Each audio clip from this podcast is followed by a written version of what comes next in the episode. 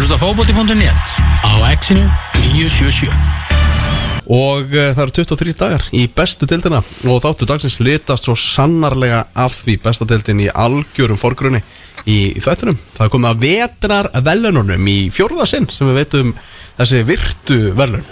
Já, þetta er náttúrulega orðin í raun og veru svona undanfari páska Já. hjá þjóðinni. Þetta er svona snýst svolítið um um að velja sér páskaegg eftir náttúrulega þessa gríðilega frjóu namiframleiðindur á Íslandi sem náttúrulega eru bara með eina tegund af súkulæði hvort sem það sé góa freyja eða Nói Sirius. Og svo er bara öllu heinu naminu tróðið inn í súkulæðið og svo til þess að bæta við þetta þá er kannski sett tromp eða náttúrulega hockeypulver inn í þetta. Og þannig að það er að fá sér sko tromp, perlu, þrista hockeypulver uh, páskaegg frá öllum held ég. Og sko ykkur til bara til hamingi með það. Já. en áður nú ferði uh, Trump Perlu þrista hockeypólver páskaðegi þetta þá er náttúrulega sjálfsögðu Pre-Season Awards Já. vetrarvelunin. Hverjir hafa skarað fram úr í vetur minnum á það að Bósbyggarinn er náttúrulega sjálfsögðu After Season Tournament ekki Pre-Season Tournament þannig að hann telur ekki inn í þetta. Við erum að tala um hér elsta og virtasta Reykjavíkur byggarinn hér nýjasta og næstvirtasta fotbolti.net mótið og síðan lengju byggarinn sjálfan. Þetta var erfitt í ár að verður að segjast. Wow. uh, hérna en við skröpum saman í lið í fyrsta sinn eru síðan með bestur í hverju stöðu, besti þjálfari, besti leikmaður og besti ungi leikmaður Já, þetta verður ekki ríðarlega spennandi þegar velunum verður afhengt hérna á eftir. líka við erum svo þakkláttir að alltaf erfitt í COVID í fyrra að menn sé að koma hérna og þú veist að taka við Já. þú veist að gefa sér tíma hennan fyrir klukkutíma þess að hennan fína lögadags fínasta veður eftir skýta veður í gær. Og hérna og strákar bara takk kærlega fyrir að, hérna að koma og við svona snúum okkur að ykkur eftir eftir augnablík besta deildin eins og segir þetta 23, 23 daga. Uh, ég var nú bara fekk fnikin af því í morgun. Auðlýsingatakkan Já, auglýsingataka, heldur betur. Hannes að- græja auglýsingu fyrir bestudeldina. Já, fyrirhandi markmaður val sem var rekin á hlýðarenda að hérna, hann er að taka upp uh, auðlýsinguna fyrir bestu deildina sem að ITF er náttúrulega bara að kosta. Nú eru þau bara að gera þetta sjálfir. Nú hafa við talað um og höfum við talað um að markasefni í kringum þess að deild sé hafi verið afskaplega á lágu plani í mjög langan tíma. Og þú ert vantilega búin að skrifa undir eitthvað svona fagnari eða mátt ekki segja frá því hvernig auglýsingin er byggðu upp eða? uh, Ég skrifaði svo sem ekki undir neitt en ég ætla ekki að taka sér sinn. En þetta er að það voru mjög margir að vinna þetta. Var, uh, það var sagt mér hvað þetta kostaði í ger Já. og ég skildi kostnaðin við þetta þegar ég sá uh, hvað mikið af fólki að hérna, vinna við þetta og, uh, og, og margt af besta fólki á landinu í þessum bransa sko. meðal annars var hún Sýrina Sig hérna, uh, kona Stenda Junior sem er náttúrulega færast á fremsta sminkarlansins að, að sminka mig og Hjörvar sem að vorum að leika svona í senu í morgun sko. Besta deildin á skilið besta fólkið. það er bara þannig Herru talandi um smink að uh, þá náttúrulega fyrir uh, alla sem á áhuga á make-upi Já.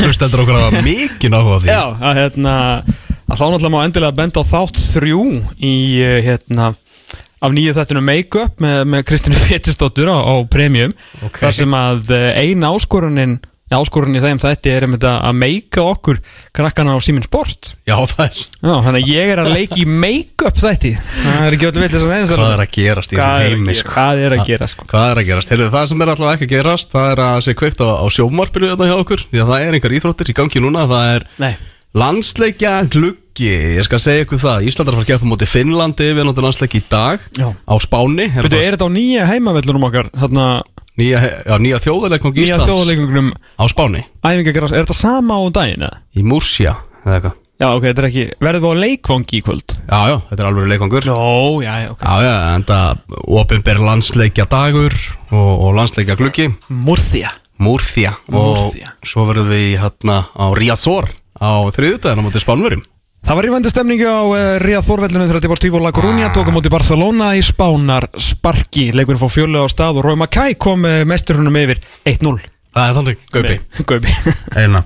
1-0 Þannig að tveir leikir, tveir svakalega ólíkir anstæðingar, báðuleikirni síndi beint á, á stöðtvað sport. Já. Og þetta er svona undirbúningur fyrir þjóðatildina sem að verður í júni og við vantar einhver Íslandinga, fullt af Íslandingum á Spáni. Og vonandi verða, þokkalur hópur af íslenskum stundismönnum í stúkun í dag Já, náttúrulega þeir eru búin að vera óöfnir strákarnir í, í vikunni að þérna Íslendingar á Spáni hafa verið afskaplega svektir og kvektir undanfarnar daga því að það hefur rengt hundum og köttum uh, á sama tíma og það hefur náttúrulega verið bong og blíða hér.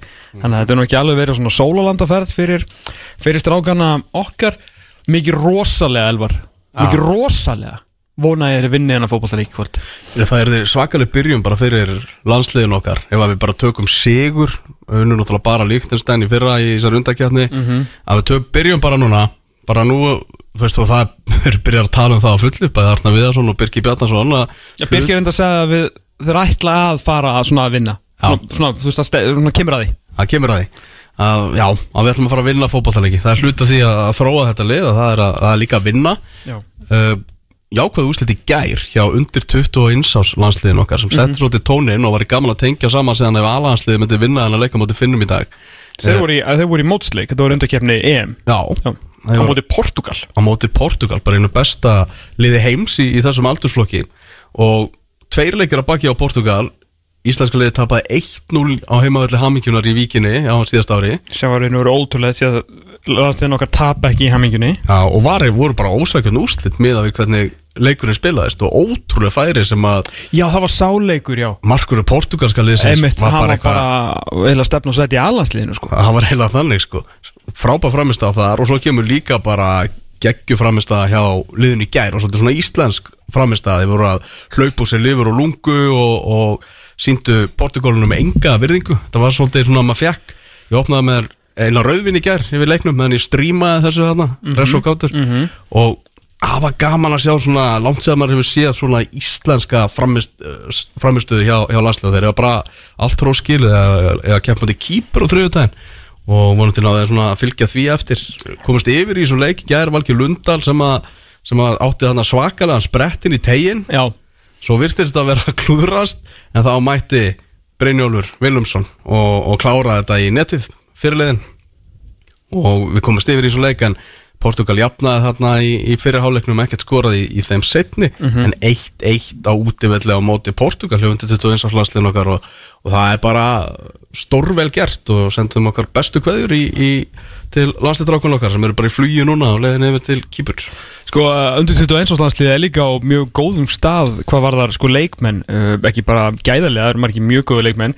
Síðan meira þess að leikmenn sem eru kannski ekki eitthvað st st stórbrotnir, leikir sem við við erum ekkert að búast við að séu kannski topp 5 deildar materiál eða eitthvað, en eru samt á góðum stað því að þú veist, þeir eru flestir að spila og spila vel. Uh, Háko Rapp er náttúrulega komin hérna í, og í mixið hjá í Svíþjóð. Robert Orri komin á fætur, veitu hvað hann getur uh, Ísa Góli, náttúrulega hann fekk rauðspöldu um daginn, hann bara startir í í Sonníiske, Lójur Rapp Róbertsson einn af betri leikmennum, bara undirbúinistímbil sem sér á Íslandi og bara, bara leikmæður sem að FH saknaði raun og verið gerð, þráttur í unnu leikin en meira en það eftir. Kristján Nökkvi, frábær Viktor Öllur, annar leikmaður búin að vera stórkostlegur og prísisón og góður mm líka bara á síðasta tímbili tellir við þá sem er í byrjuleginu Kristall Máni í umræðinu sem besti leikmaðurinn núna í sumar, uh, Sævar Ætli komið í hörkugýr í Lingby og hérna þannig að þú eru á og horfum líka á bekkin sko. Kalli Frilli og Logi úr, úr Vægs þú veist að starta flesta leiki. Uh, Danni Finns kallarinn, besti leikmaður leiknis á, á prísísón skilu þú veist þeir eru þú veist, þessu gaman fyrir hérna Davís Norra að taka á móti þessu strákum þeir eru öruglega svona stappfullur af alvöru sjálfströsti Já, ekki bara þeir eru með cool klippingu þú veist þeir eru actually bara að spila vel sko. Það fylgir þessu. Cool klipping og góð spilamennska. Það er við viljum hafa þetta gert. tvennt sko. Ekki bara, ekki sko, mátt vera góða spila með sko ljóta klippingu en ekki góða klippingu og lélur fókbalta Ah, nokkulega Aðeins kannski að snerta því en við förum yfir í, í, í vetravelunin og bestu deildina Já. að Ítalía verði ekki með Evrópumistararnir ekki með á HM í Katar. Nei, nei, með þess að þeir fengu þú veist, bara Norður Makedóni sem reyndir er búið að vinna Þískaland líka núna á síðasta árunni eða hvernig sem fjandarni segir unnu þarna Makedóni, þú voru ekki með okkur í reyli og hérna unnuðu nómönda sigur. En þetta er svona, veist, þarna verður náttúrulega dómarinn bara lift upp höndinni og dæmi eitthvað.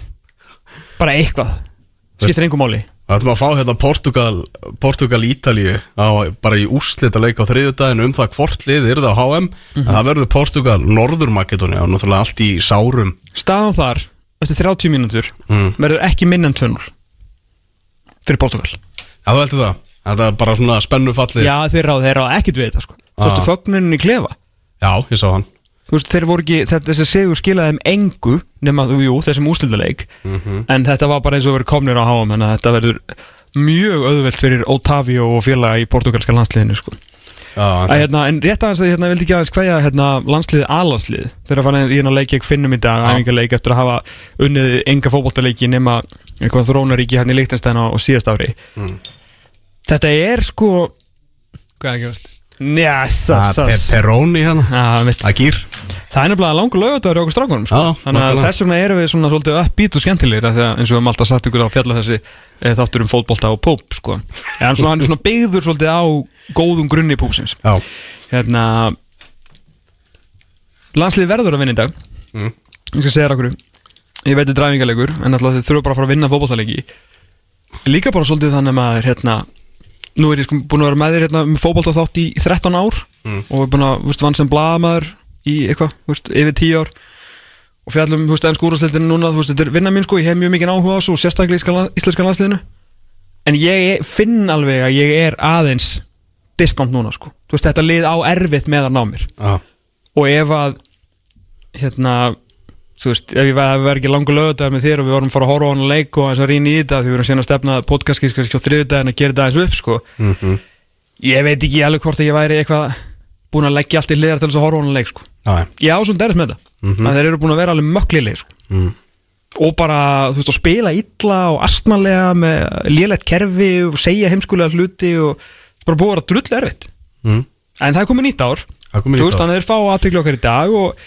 Mm. en það Það í þá verður það að bjóða okkur upp á okkar sko. Já. Þeir verða að bjóða okkur upp á okkar. Mhm. Ekki erum við að fara að vinna spán á að við, fýtt punktur hjá hérna, smalanum hjá Ben Bowie ger þú veist, hvað, what's the point? Já. Að fá hann að leik veist, við erum að fara í B-deild þjóðdeildina sko. Mhm. Við erum ekki að fara með þetta spáni þar. Nei, og engum liðin sem eru lík þeim. Jú, veist, allt eitthvað fínt að má- máta sig við á bestu. Mm, já, já, ok. Kannski þegar við erum aðeins betur leikmenn. Það er eitthvað sem segir með það að spátna vott fyrir umkvæða þessum leik já, líklega, herruðu, hérna, líklega byrjanlið hjá .net Já. Uh, hversu rétt er þetta? það er því náttúrulega vitið allt. Já, ég held þetta sé ansi rétt. 10 og 11 eða? Eitthvað þannig. Já. Cirka bát. Samstöð, Brynjar Ingi, Daniel Leo Gretarsson Hötti Björk uh, Ralex í markinu og, og hérna uh, Birkir Bjarnar, Þóri Jóhann og Ísak Bergmann á miðunni sem er því þá hvað Birkir er það ennþá single sex eða? Það Þóri Jóhann, Ísak, Double Eight og Jón Dagur, Arnór Sig og Jón Dagi frammi mm. fjórir, þrýr, þrýr, fjórir, einn, tveir, þrýr fjórir, eitthvað, fjórir, einn, fjórir, einn. Mm. ég veit Albert er veikur. Já, Andri Lukas meittur Andri Lukas meður Já, já, ég er bara allar bestu kveður sko. Já, ég heldur þetta að Já, Stefan Teitur verður á miðjunni. Ekki Ísak. Já, að þetta lastu eins og væri með liðið. Svo ert vantilega með eins og vanlega já, já, ég er með það ekki, ekki Ísak. Nei, ekki sagt uh, mínum upplýsingum. Ok, mm. áhugavert Áhugavert. Já, ok. Þetta er bara, er þetta ekki það besta sem er þetta að stilla upp eða, veist, er ykkur, Þetta er alveg Getur ykkur bara- verið fúll eða?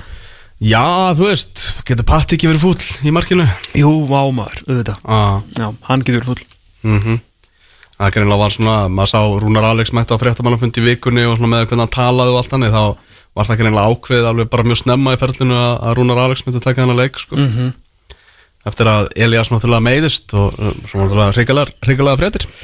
Já, ég meina, ok, bara, hérna, second wind, bara byrja seglinn, annars séns, eins má stöði og allt það fyrir Rúnar Alex, þetta þýr, ég meina, poti, þetta hann hlýtur að vera í markinu í júni, hann er handabrótin, hann, Elias, hann var alltaf klár í júni með það, það. Já, mér aðeins spurning, ég spurði Arnar svona á fréttamannafundum í gær, matstæð mínus one þú veist, er, ertu að fara að nota sama markmannin í báðum leikjónum eða hvernig pælar, pælar þetta? Mhm. og hann sagði að hann bara ekki byrjaður að hugsa um hvernig liði verði á móti spánverjum. Hann hefur brent sig á því áður í svona tvekkjalegjum við varum búin að plana eitthvað og svo breytist breytast hlutinir og eitthvað. Hann alltaf bara umfram að alltaf klára þennan leik á morgun og, og tala svolítið eins og þú veist, þess að varst að tala um umalinn hjá smalanum þessi spánaleikur er einhvern veginn bara eitthvað veist, við horfum á þetta sem leikin í þessum klukka Já, ok, það meikar sens. það meikar svolítið sens þannig að, og hann talaði um það hann náttúrulega ekki, hann var ekki að búist til að gera eitthvað marga skiptingar eða eitthvað þannig þannig að það er svona hljómar eins og að séu að fara að taka þetta svolítið eins og þetta sé mótsleikur bara í dag Ok, hver er hérna vantar í þetta lið í dag svona sem að uh, við værum til í júni? Við værum til í Sverringa, við veitum ekki, þú veist, á bara persónulega ástæðar sem voru ekki gefnar upp. ah, ja. Uh, þú veist, við þurfum á honum að halda alveg nöðsynlega Mhm. í júni, bara nöðsynlega hann er vonandi verða hurjar sem þessar persónulegar ástæður eru leistar. Mhm. uh, Þannig að Mikael, ekki heldur. Já, Mikki og vonandi að Jói Berg verið komin á, á lappir til að hjálpa okkur. Spurning hvort að hans landslisverði sé bara lokið bara vegna þráláta meðsla hvort að hann þurfi bara að fara að einbytta sér enn frekar á félagslega verðlum, vonandi ekki. Og uh, það er ekki bara upptalið, það er ekki aðrir ég meni ég er ekkert að rekna með Alfred Fimboðasinni hann er bara það mikið mittur, Já, nokkulega, hörðu Björgur náttúrulega mættur núna það, það er gott það er gott, Já. Uh, Þú veist, Guðlu Viktor, ég veit það ekki. Hvað er Jón Guðni? Já, hans leið crossband á síðast ári, emmitt, emmitt Já. Þannig að þetta er bara, já, svona er bara staðan. Svona er Þetta, staðan. þetta eru leikmyndir sem við erum að fara, fara að vinna með núna. Ok, Það er bara þannig, leikurinn í dag, eins og á það segir, klukkan eh, fjór uh, á Spáni, í Músja, beint útsendingu á stöð hérna, ef að það kemur í, já, hann er það. Stöfuð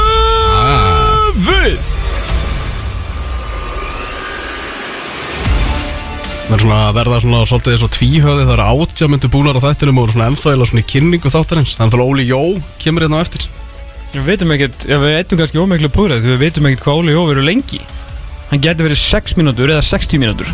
Já, nokkulega Það fer bara að raun og verið eftir hversu öflugið við erum En bara hinn einu sanni Ólafur Jóhannesson að að koma hérna til okkar á eftir Hvernig ætlum við að tala um hvað er að fara að gera núna? Tala um íslenska bóltan Tala um, um lengjubyggarinn Þegar Óli Jó er þjálfari lengjubyggarmeistara FH Mm -hmm. Unnu vikinga á dramatískan hátt í Flóitumark flautumark í Já. úrstættaleiknum Ástbjörn Þórðarsson sem að skoraði flautu sigumark í, í þeim leik mm. -hmm. Hvorki en minna Vikingar komust yfir í leiknum Já, verðskulda Verðskulda, verðskulda mark Já. Helgi Guðjónsson með, með markið. Gott mark, fallega sók mm -hmm. uh, Síðan svona þetta var uh, Við vorum að skipta á klesum Við sem stóðum á skiltinu í gær. Uh, Og ég held ég að við nelt þetta Þegar ég hlóði í klesuna Strákar, þetta er búið að vera kaplaskiptuleikur Og Já. var svolítið þannig. Það var svolítið opinn og Já, vikingar byrjuðu miklu betur og fengu fínustu færi voru ekki að hitta markið. Níko var klálega ekki heill, það er algjörlega ljóst. Hann er búinn að vera, fekk COVID og svo aðeins búinn að meiðast og hann er alltaf búinn að ná 90 mínútum. Og hérna gekk alveg auðvitað ekki hitti skóar í í gæri en spilaði samt náttúrulega vegna mikillar manneklu uh, margir í landsliðsverkefnum. Heldur betur sem er bara vel og hérna bara flott fyrir, flott fyrir Væks að það súsi, súsi staðan. Á endanum er alltaf lengjubikarinn og kannski skiptir ekki öllu málið þó að verið þetta gaman að halda áfram að vinna titla. En hérna síðan tók FA og svolítið yfir setni hlutan í, í fyrirháleik og voru góð líka framan af í, í setni skoraði jöfnunamark uh, eftir það voru þeir svolítið sáttir. Vikingar tóku aftur yfir leikin og svo voru bara FA-öngundir nokkuð sprækir svona undir lokin. Uh, náttúrulega mörkin tvö svolítið í bóði Axel Freyr, Freyrs Harðarssonar sem var svona eini leikmaðurinn sem að þú veist, vikingslið var, var mjög upplutt í gær þú veist, þú horfið bara á mannskapin hann var ein, ein, eini leikmaðurinn sem að myndi aldrei vera aðna skilur, og verður ekkert aðna var Axel Freyr, þú veist, hann, var, hann hefur ekkert verið að komast í liðið og svona allan ekki í besta lið og var að spila líka aðra stöðu sem var hæri bakurinn í gær. Hann lætur að Guðmund Kristjánsson miðvörð, gjör saman að pakka þessu saman í aðranda fyrramarksins. Eitthvað sem á ekki sjást. Frábær fyrirgjöf hjá Gumma í, í, í, því marki. Já, líka bara spretturinn þegar hann setti boltan fram hjá honum og hljóps og hinum með Já. þetta var alltaf vandra, þetta var flottjöguma en verulega vandralegt fyrir Axel. En fyrirgjöfin stórbrotin og skallin einhver sýri því að Matti þarf að tegja sig í boltan en hann er alltaf magnaður skallamæður Matti Villa. Síðan undir lokin eru vikingarnir alltaf hóta því að hérna, skora sigumarki, voru miklu betri en voru í restina uh, en gekk mjög illa á síða, svona, síðasta snertingi var ekki nógu góð á mörgu sinnum. Og síðan var Axel Freyr greiði sem að neitaði að gefa boltan hann ringsnýrest með boltan eins og bara, þú veist, gaur sem að sopnaði á liftara. Já. og uh, endaði með að missa boltan og F-fanginu fari í sókn og þeir skora hann alltaf brotið auglustlega Oliver í aðræða og þetta er alltaf kól ólulegt mark en þú veist, og hann alltaf svo dótt að verja þetta. En allt í góðu, F-fanginu vinna. Og hérna uh, og gaman bara fyrir áspjöldin líka þú veist, upplöður þessu leik, minnst það frábær hérna kaup, saman hvað hann kostaði ég meina F-fangingar eiga alltaf sanda seglum hvort sem er sko. Og, og bara, upp, þú veist, bara mjög góð kaup. Já, strax fann að borga tilbaka Ég með þetta er 500.000 katt Ég að vinna- að- það, Að ég vinna, meina- vinna lengjubíkarinn og ef hann kostaði 6 miljónir þá var þetta bara, þú veist Hálf kúla sem að tríða þeim hana í ger Hókvæmlega Og náttúrulega bara það að vinna byggjar Og svo var náttúrulega hérna herrakvöld hjá þeim um kvöld fara bara hressir inn í það, það er ekki að meta þú veist, svo líka geta, þú veist, þú getur ekki sett prís á gleðina.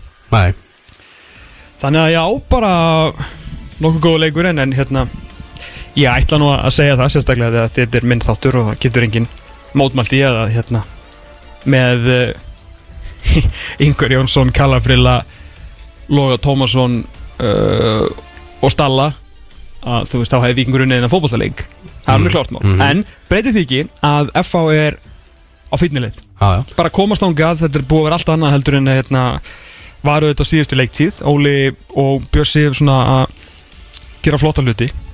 Uh, hann verið að reyna að uh, svona púsla saman hérna í lið ná, ná sér í nýja veistri bakkur sem var endur á bekknum. Óli Guðmunds var að spila vel í gær. Ég, ég hef ekki eitthvað sturlaða trú á Finnóra og Guðma Kristjáns sem að pari yfir 27 leiki sko. En þeir voru fínir í gær. Áspytt góður.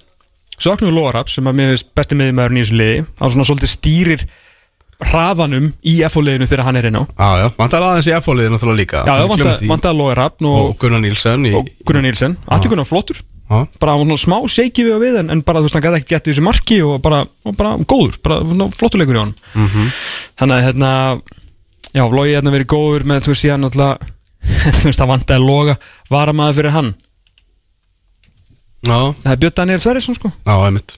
Launahæsti leikmaður deildarinnar er varamaður fyrir Logarab sko. Já, já, en hefur því miður bara enga veginn fundið sig í, Nei, nei. í, í langan tíma og það er bara leiðilegt með þessa hæfileika. Já, svo var bara maðurinn á vellinum í gær sem að uh, hvað er endað F á síðustu leiktið? Fymta seti? Já, já, Maður inn á þessum velli gær sem var eitt besti maður vallarins ef ekki sá besti uh, og hefur verið eitt besti leikmaður undirbúinistímabilsin sem kemur ekkit óvart því að hann hefur verið eitt besti leikmaður í efstu deild undarfærin 6, 7, 8 ár Mm. og leikmaður sem mun skila F-fóðingum mjög líklega tveimur sætum ofar. Náttúrulega með hjálp frá öðrum kaupum en svona gæði sem bara er það góður hann, getur, hann, hann breytir ekki, hann er ekki að breyta einum, einu stíi eða tveimur eða þremur. Mm. veist, hann er að fara að færa þau ofar um sæti í deild og það er Kristi Freyr Sigursson það er með öllu óskiljanlegt að valsmenn hefði látið að fara. Já.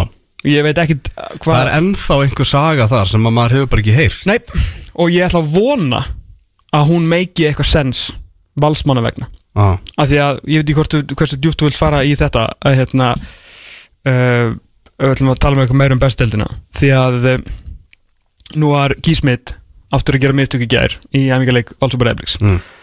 og hann hefur átt erfitt uppdróttar kallinn uh, Já. á þessu undirbúinustímbili mikil umræðum það að valsmenn séu bara farnir í markmannsleit Já, sem ég held að segja nú algjört bull. Því að hann er ekki búin að vera eitthvað trúður Nei. langt í frá, en hann er ekki búin að vera nógu góður. Og þegar þú kemur inn í svona lið og hvað þá fyrir besta markmann Íslandsögunar uh, að þá náttúrulega, þú veist, þetta er náttúrulega stóri skóra að fylla og allt sem að gerist náttúrulega mun alltaf svona magnast upp. Uh, hann er, þú veist, hann er hollenskur hann kýs með, en þrátt fyrir það þá fylgist hann gríðarlega mikið með allri umræðinu, algjörlega meðvitar um þessar sögur sem er í, í gangi og, og allt það og hann var nú byrjað að pikka upp bara íslensku orð bara áður en hann lendir reyndar hérna á Íslandi. Mhm. Eh, en hann hann ég, ég held að þetta sé bara algjör sjálfströst leysi sem er að hrjá hann þessa, þessa stundina. Já, hann er líka búin að vera eins og segir hann er búin að vera hérna á þessu landi núna í eitt ár. Já, og hann er þú veist eins og segir, hann fylgist vel með og hann er vantilega löngu fyrir au- löngu ára hann kom í val. Mhm, meðvitaður um það hvað valur er í dag. Mhm. Hann, þú veist, það er búið að segja honum hver Heimir Guðjónsson er. Það er búið að segja honum hver þú veist, hann veit að hæri bakvörurinn sem að pakka Angel Di Maria saman er þú veist, hæri bakvörurinn hjá val í dag. Mhm hann veit, þú veist, Haukur Páll Sigursson er mest iconic og eitt besti miðjumæðurinn og eitt mest iconic fyrirliðin, þú veist, hann veit þetta allt saman. Já, hann veit að þetta er lang ríkasta, dýrasta og stærsta liðið í bestu deildin í dag. Mhm. Og hann veit að þetta er allt svona karakteratni í kring skilu, hann kemur inn að þá hérna, fylla alveg hrikalega stóra skó og að þú talar um sjálfstöðsleysi síðan það bara þú veist, hann lítur um klefan eins og eftir leiki, leiki gær hann skilur ekkert öll orðin. Og ég er ekki, alls ekki alls ekki að segja að menn sé eitthvað að baktala eitthvað inn í klefa. En þú ert orðin lítill að þá er mjög auðvelt að verða minni þegar þú horfur í kringu og bara shit, allir bara tristir mér ekki. Allir allir þeir séu ósáttu við að hann er sér farin og hafi bara verið heimir sem að vildi hann að Þannig að, og þetta er bara vondu vítarhingur að fara í sérstaklega út markmaður því að það er aðeins einstað af vellinu sem að er sko svo, þú ert svo einmanna að þú fari ekki svona verið í sama búning og henni sko. Þannig að. Já, já, þetta er einmitt þarna aðstu menn hjá Val, þeir vita alveg hver umræðan verður ef að Gí Smith verður ekki góður. Ég hef mestar ágjur, ég held sko engar ágjur á aðstumannum hjá, hjá Val sko. Nei, en, en þú veist, ég er að tala um þú veist, það er alveg pressa á þeim, skilur við Þeir svar ekki fyrir neitt Þeir bara, hvað heldur að bergis ekki drullu sama hvað öllum finnst. Mhm. Hún að raða hérna í Íslandsmeistaratilum og ef að gýr eitthvað slagur þá bara kemur bara einhver dundu markmaður eitthvað sem honum er sama. Það sem ég hef ágjur af er okkar maður Homiku Johnson Maðurinn með, með stjórnaltöfmana Hann fekk, hann var að tala um þetta hérna fyrir einhverjum tveimur, þreimur viku hjá okkur. Hann fekk tröstið Það er ekkit alltaf sem að þjálfarar Sérstaklega það var búið að reka hann í fjölmjölum sko. Það var búið að skrifa hann frá val. En mm. Börkur sagði bara nei Þú farið hérna tækifæri til þess að uh, Búið til nýjan hóp. Eða þú er svona aðeins að fara hrist upp í hópum Því að þú verður þjálfari minn. Þetta er ekkit algengt Hvorki hér á Íslandinni annar staðar. Og tvær stærstu ákvörðina sem hann tekur Eru A. Að láta besta markmann í deildinni Og á Íslandi fara. Ok.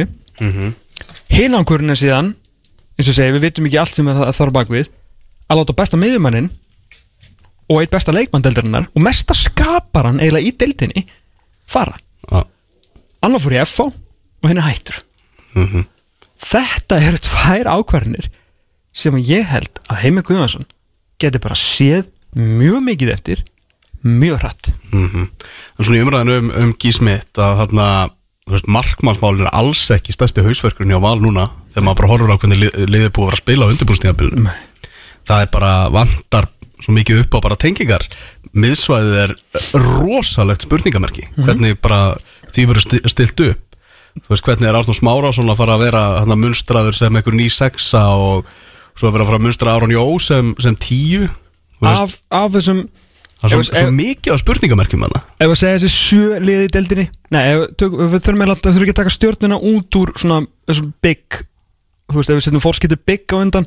Þar að þeir sína okkur eitthvað eftir þess að þú veist, vonast ég fallir Er það ekki að- aðeins dotnir úr þessu? Jó, algjörlega. en, en káa kom í þeirra stað Jó. Er það ekki fer? Jó, stjarnan þarf að sína þetta þegar, þegar sólinn skín á lofti Ok, segja þá það séu sex lið sem að láta sér dreyma um Íslandsmeistartilli ah. Skilur, það, fimm eru svona fjögur sem að mega alveg leifa sér dreyma.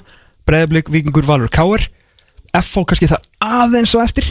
Og sérstaklega svona, þú veist, eh, kannski eitt, tveir kallari viðbót en svona þeir geta alveg, þeir geta alveg niður þetta. Já, já, 23 dagar í mót, er að þetta styrkja liðið. Ég segi það, þeir geta niður þetta. Og Káa leifir sér að dreyma. Þeir eru fyrir erum við góðan þjálfara, þú veist, pening og allt það. Á þessum sex liðum mm. er Valur sem ætla sér að vinna deildina slökustu meðurinn deildi í af þessum sex. Já, og það er eiginlega ekki mm. já, það er eitthvað, þú veist, það hefur bara ekki fundist taktur á miðunni það Nei.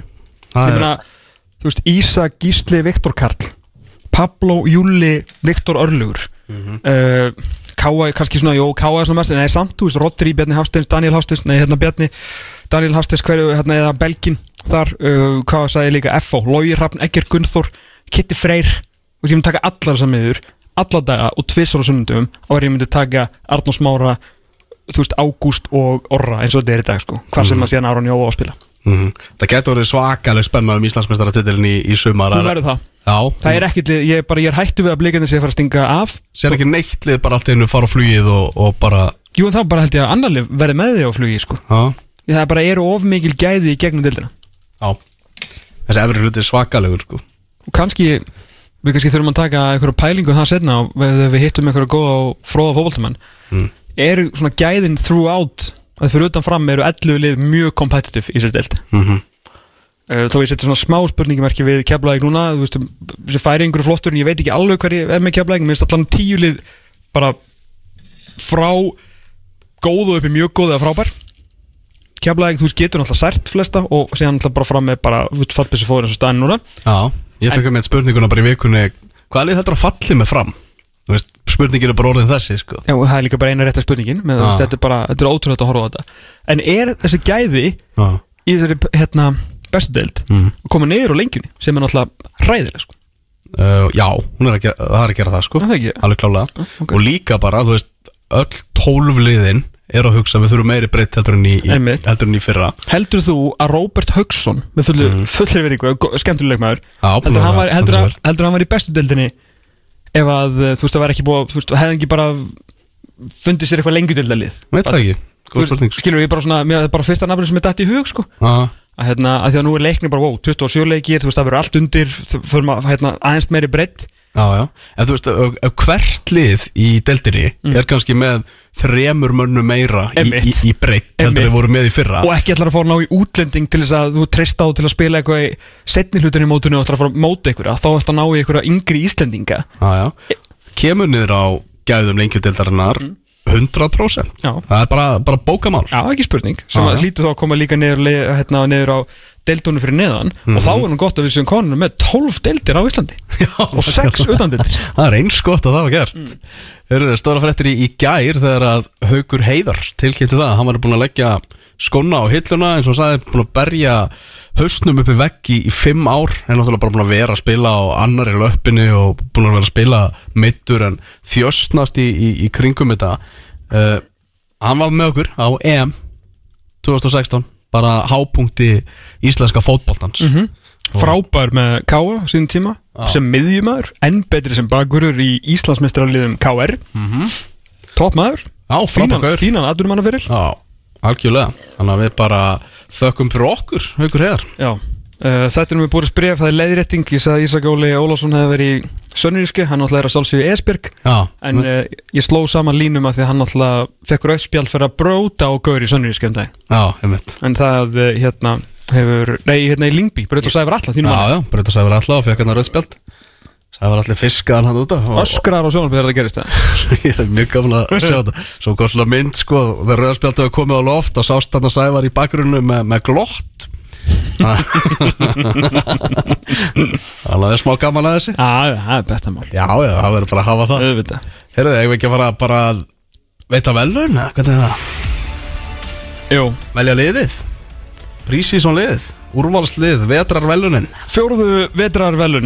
út á státtunins fótbolti.net Duttu einu sinni niður, það var eh, 2020 vegna COVID. Já, þeirrar ásælu pestar. Já, Herru já, við bættum þessu liði við bara því að okkur dætti höfu getum pyrrað fleiri með því.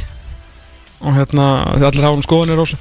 Já, En við erum eins og vanlega með besta markmann, besta varnamann, besta miðjumann, besta framherja. Mm. Við erum með eh, besta leikmann, besta unga leikmannin og besta þjálfaran og settum síðan saman í liði líka. Mm. Taka þá bara liðið og bestur í línunni samhliða. Jú, algjörlega. En kannski benda á það að ef fólk vil kasta inn einhverjum öfnum þegar við erum að hlusta í beinni útsendingu þá bara erum við á, á Twitter. Já, bara hendið á okkur. Hendið á okkur, þá er strax hérna, komið nokkun upp sem að e, allan nokkur að þeim eru einmitt í e, eldlinni í umræðinu ætlaði ég nú að segja. Já, en mest ánæða með King Macabö sem kom mér og Úlfi Blandónað fyrir að vera frábæri hniti já, frábæri hittinu, reyndar ekki á prísísson sko, við erum náttúrulega mestara mót CBR 2022 sko, það er náttúrulega on-season mót sko, en allt í því ég kann samt að með þetta en það er náttúrulega, Böðurinn er kongur sko. Heyrðu, hann er bara komin í hátegisfréttinar á, á Rás 2 og allt sko. Heyrðu í honum í vikunni? Út af völlunum með Já, hann var bara í frétta yfirlitinu bara, þetta er bara okkar maður. Já. Kristal Pallas maðurinn gett ekki. Gett ekki Herðu, já lífið er alltaf leiku líka við maka þessum dagana sko. Það leiku við hann. Já, Snjórun er farin, giftur, batn á leiðinni. Lóan komin Lóan komin, Viera sko með dansandi fótbolta í Pallasliðinu sem Já. bara fara að enda á Evróskiltinu Þú veist, lífið geti ekki verið betra sko. Nákvæmlega þeir eru tvo menn í, í ennska landslýsóknum og... Herru, og annar er að fara að starta þetta Já, Segja, segja, segja meilaður Það guði Það fara að byrja Að byrja. Þetta byrjum þetta Já, uh, við tökum bara liðið og þá línuna með besti í markinu í prísinsónliði vetrar, vetrarliðinu. Og þar alveg þetta besti markmaðurinn þar sem að það er bara einn í línunni eins og sagðir. Hérna eins og ég sagði, þetta er ennmannlega staða. Þá er að spila lagi hérna Are You Lonesome Tonight? Það er uh, besti markurur bestu deildarinnar í dag og besti markmaðurinn hér á landi. Víta Banin Ingvar Jónsson, vikingi nákvæmlega. Ingvar gæti ekki verið með okkur í dag. Hann, Hann er, er stattur með landsliðinu í, í, í landsliðsverkefni var kallar þar inn. Eftir Elías smittist Já, en ég bað Arnar Viðas ef hann væri ekki upptekinn að taka þátt í æfingunni að hérna, láta hann fá velinu sínu og við myndum fá kannski frá samfélagsmiðladeild. Nei, hvað heitir það? Samskiptadeild, KSI Já, Hérna uh, það kemur alltaf á KSI miðlan og eftir. Já, já. já. En til hann ekki yngur uh, og, og Já, hann er já, bara bestur. Það er bara þannig. Herru Varnalínan, hún var erfið maður. Já, Hún var erfið, var svakalega erfið. Svakalega erfið. Já, og þrátt fyrir að vækararnir fengur bara á sig tvö mörg uh, þar til í gærindar að þá var svona smá menn voru að spila hálfleik og hálfleik og, og yngvar sé náttúrulega um helviti mikið að þessu. Að þá kosti engin vingur í varnalínuna en hæri bakurur í uh, vetrar uh, Já, ég er náttúrulega lokaði skjálinu hérna. En uh, það er komið hér aftur. Hæri bakurinn er 2003 mótel sem hefur gerin allt þessa stöðu í uh, Garðabænum. Menn á að vita á hann fyrir eitthvað lengi þráttur hann sé bara 19 ára gamall. Uh, spilaði 17 lengi á síðustu leiktíð og verður klálega startir hérna núna. Þetta er Óli Valur uh, Ómarsson. Já, þetta er spennandi þetta er spennandi strákur. Wow, og komin með alvöru hlutverk og, og stjórnumenn eru ánægða með það. Já, uh, Miðverðin eru báður örfættir. Skrítið. Það spes Já. Annars vegar miðvörur skástrygg vinstri bakurur En hann fer í miðvörun hjá okkur í þessu sinni Og það er Ólafur Guðmundsson Fimmleika félagi hafnafyrir Já, sá er búin að standa sig vel í Búin að standa sér mjög vel Og hann var Og- góður í þessu leiki í gær líka. Það er óvægt að segja að hann hafi bara komið á óvart. Já Og náttúrulega Hann verður líklega í vinstri bakurnum hann eins og staðan er akkurat núna. Og þá er hann að halda úti sko Gaur sem að þeir sóttu bara með Trukki og dífu Í uh, Haraldi Ás, hérna, Áskrimsinni Já. Einar Áskrimsinni Þannig að, uh, já, flottu vetur hjá, hjá Óla Guðmund sem hefur verið að taka stórsum framförum og var og tekið svo miklum framförum að hann var ekki í ekki búin að vera undir 21. landsliðinu. Hann var kallaður í gær. Komin út til Davidsnóra hann er bara mættur út. Hann er mættur. Hann er vel gert hjá honum. Hinn meðurinn og þetta er eiginlega skrýttast af við liðið og þetta var líka þetta var svolítið erfitt hjá okkur en talandi um það að markvarslan sé ekki mesti hausverkurinn hjá Val heldur að séða miðjan. Að þeir fengu ekki á svona sérstaklega mikið af mörgum og það er eitt leikmaður þar sem að hefur verið nokkuð solid í gegnum þetta allt saman. Og það er the nicest guy in football Rasmus Christensen já, þannig að hann kemst í veðarlegi líka. Uh, vinstri bakurinn er raun og verið hæri bakurur en hann getur líka að spila vinstri. Og gert, gerði þá á síðustu leiti mjög vel Neldi stöðu í þessu liði í gær? Í gær Já. með flautumarki. Þetta er Love Bear Áspjöð Þórðarsson þetta er línan Óli Valur, Rasmus, Óli Guðmunds og Áspjöð Þórðarsson og besti miðvörurinn, Besti varnamaður besti varnamaðurinn Já, á Prísinsson með þetta mótónum mm. 2022 og jafnfram og jafnframt.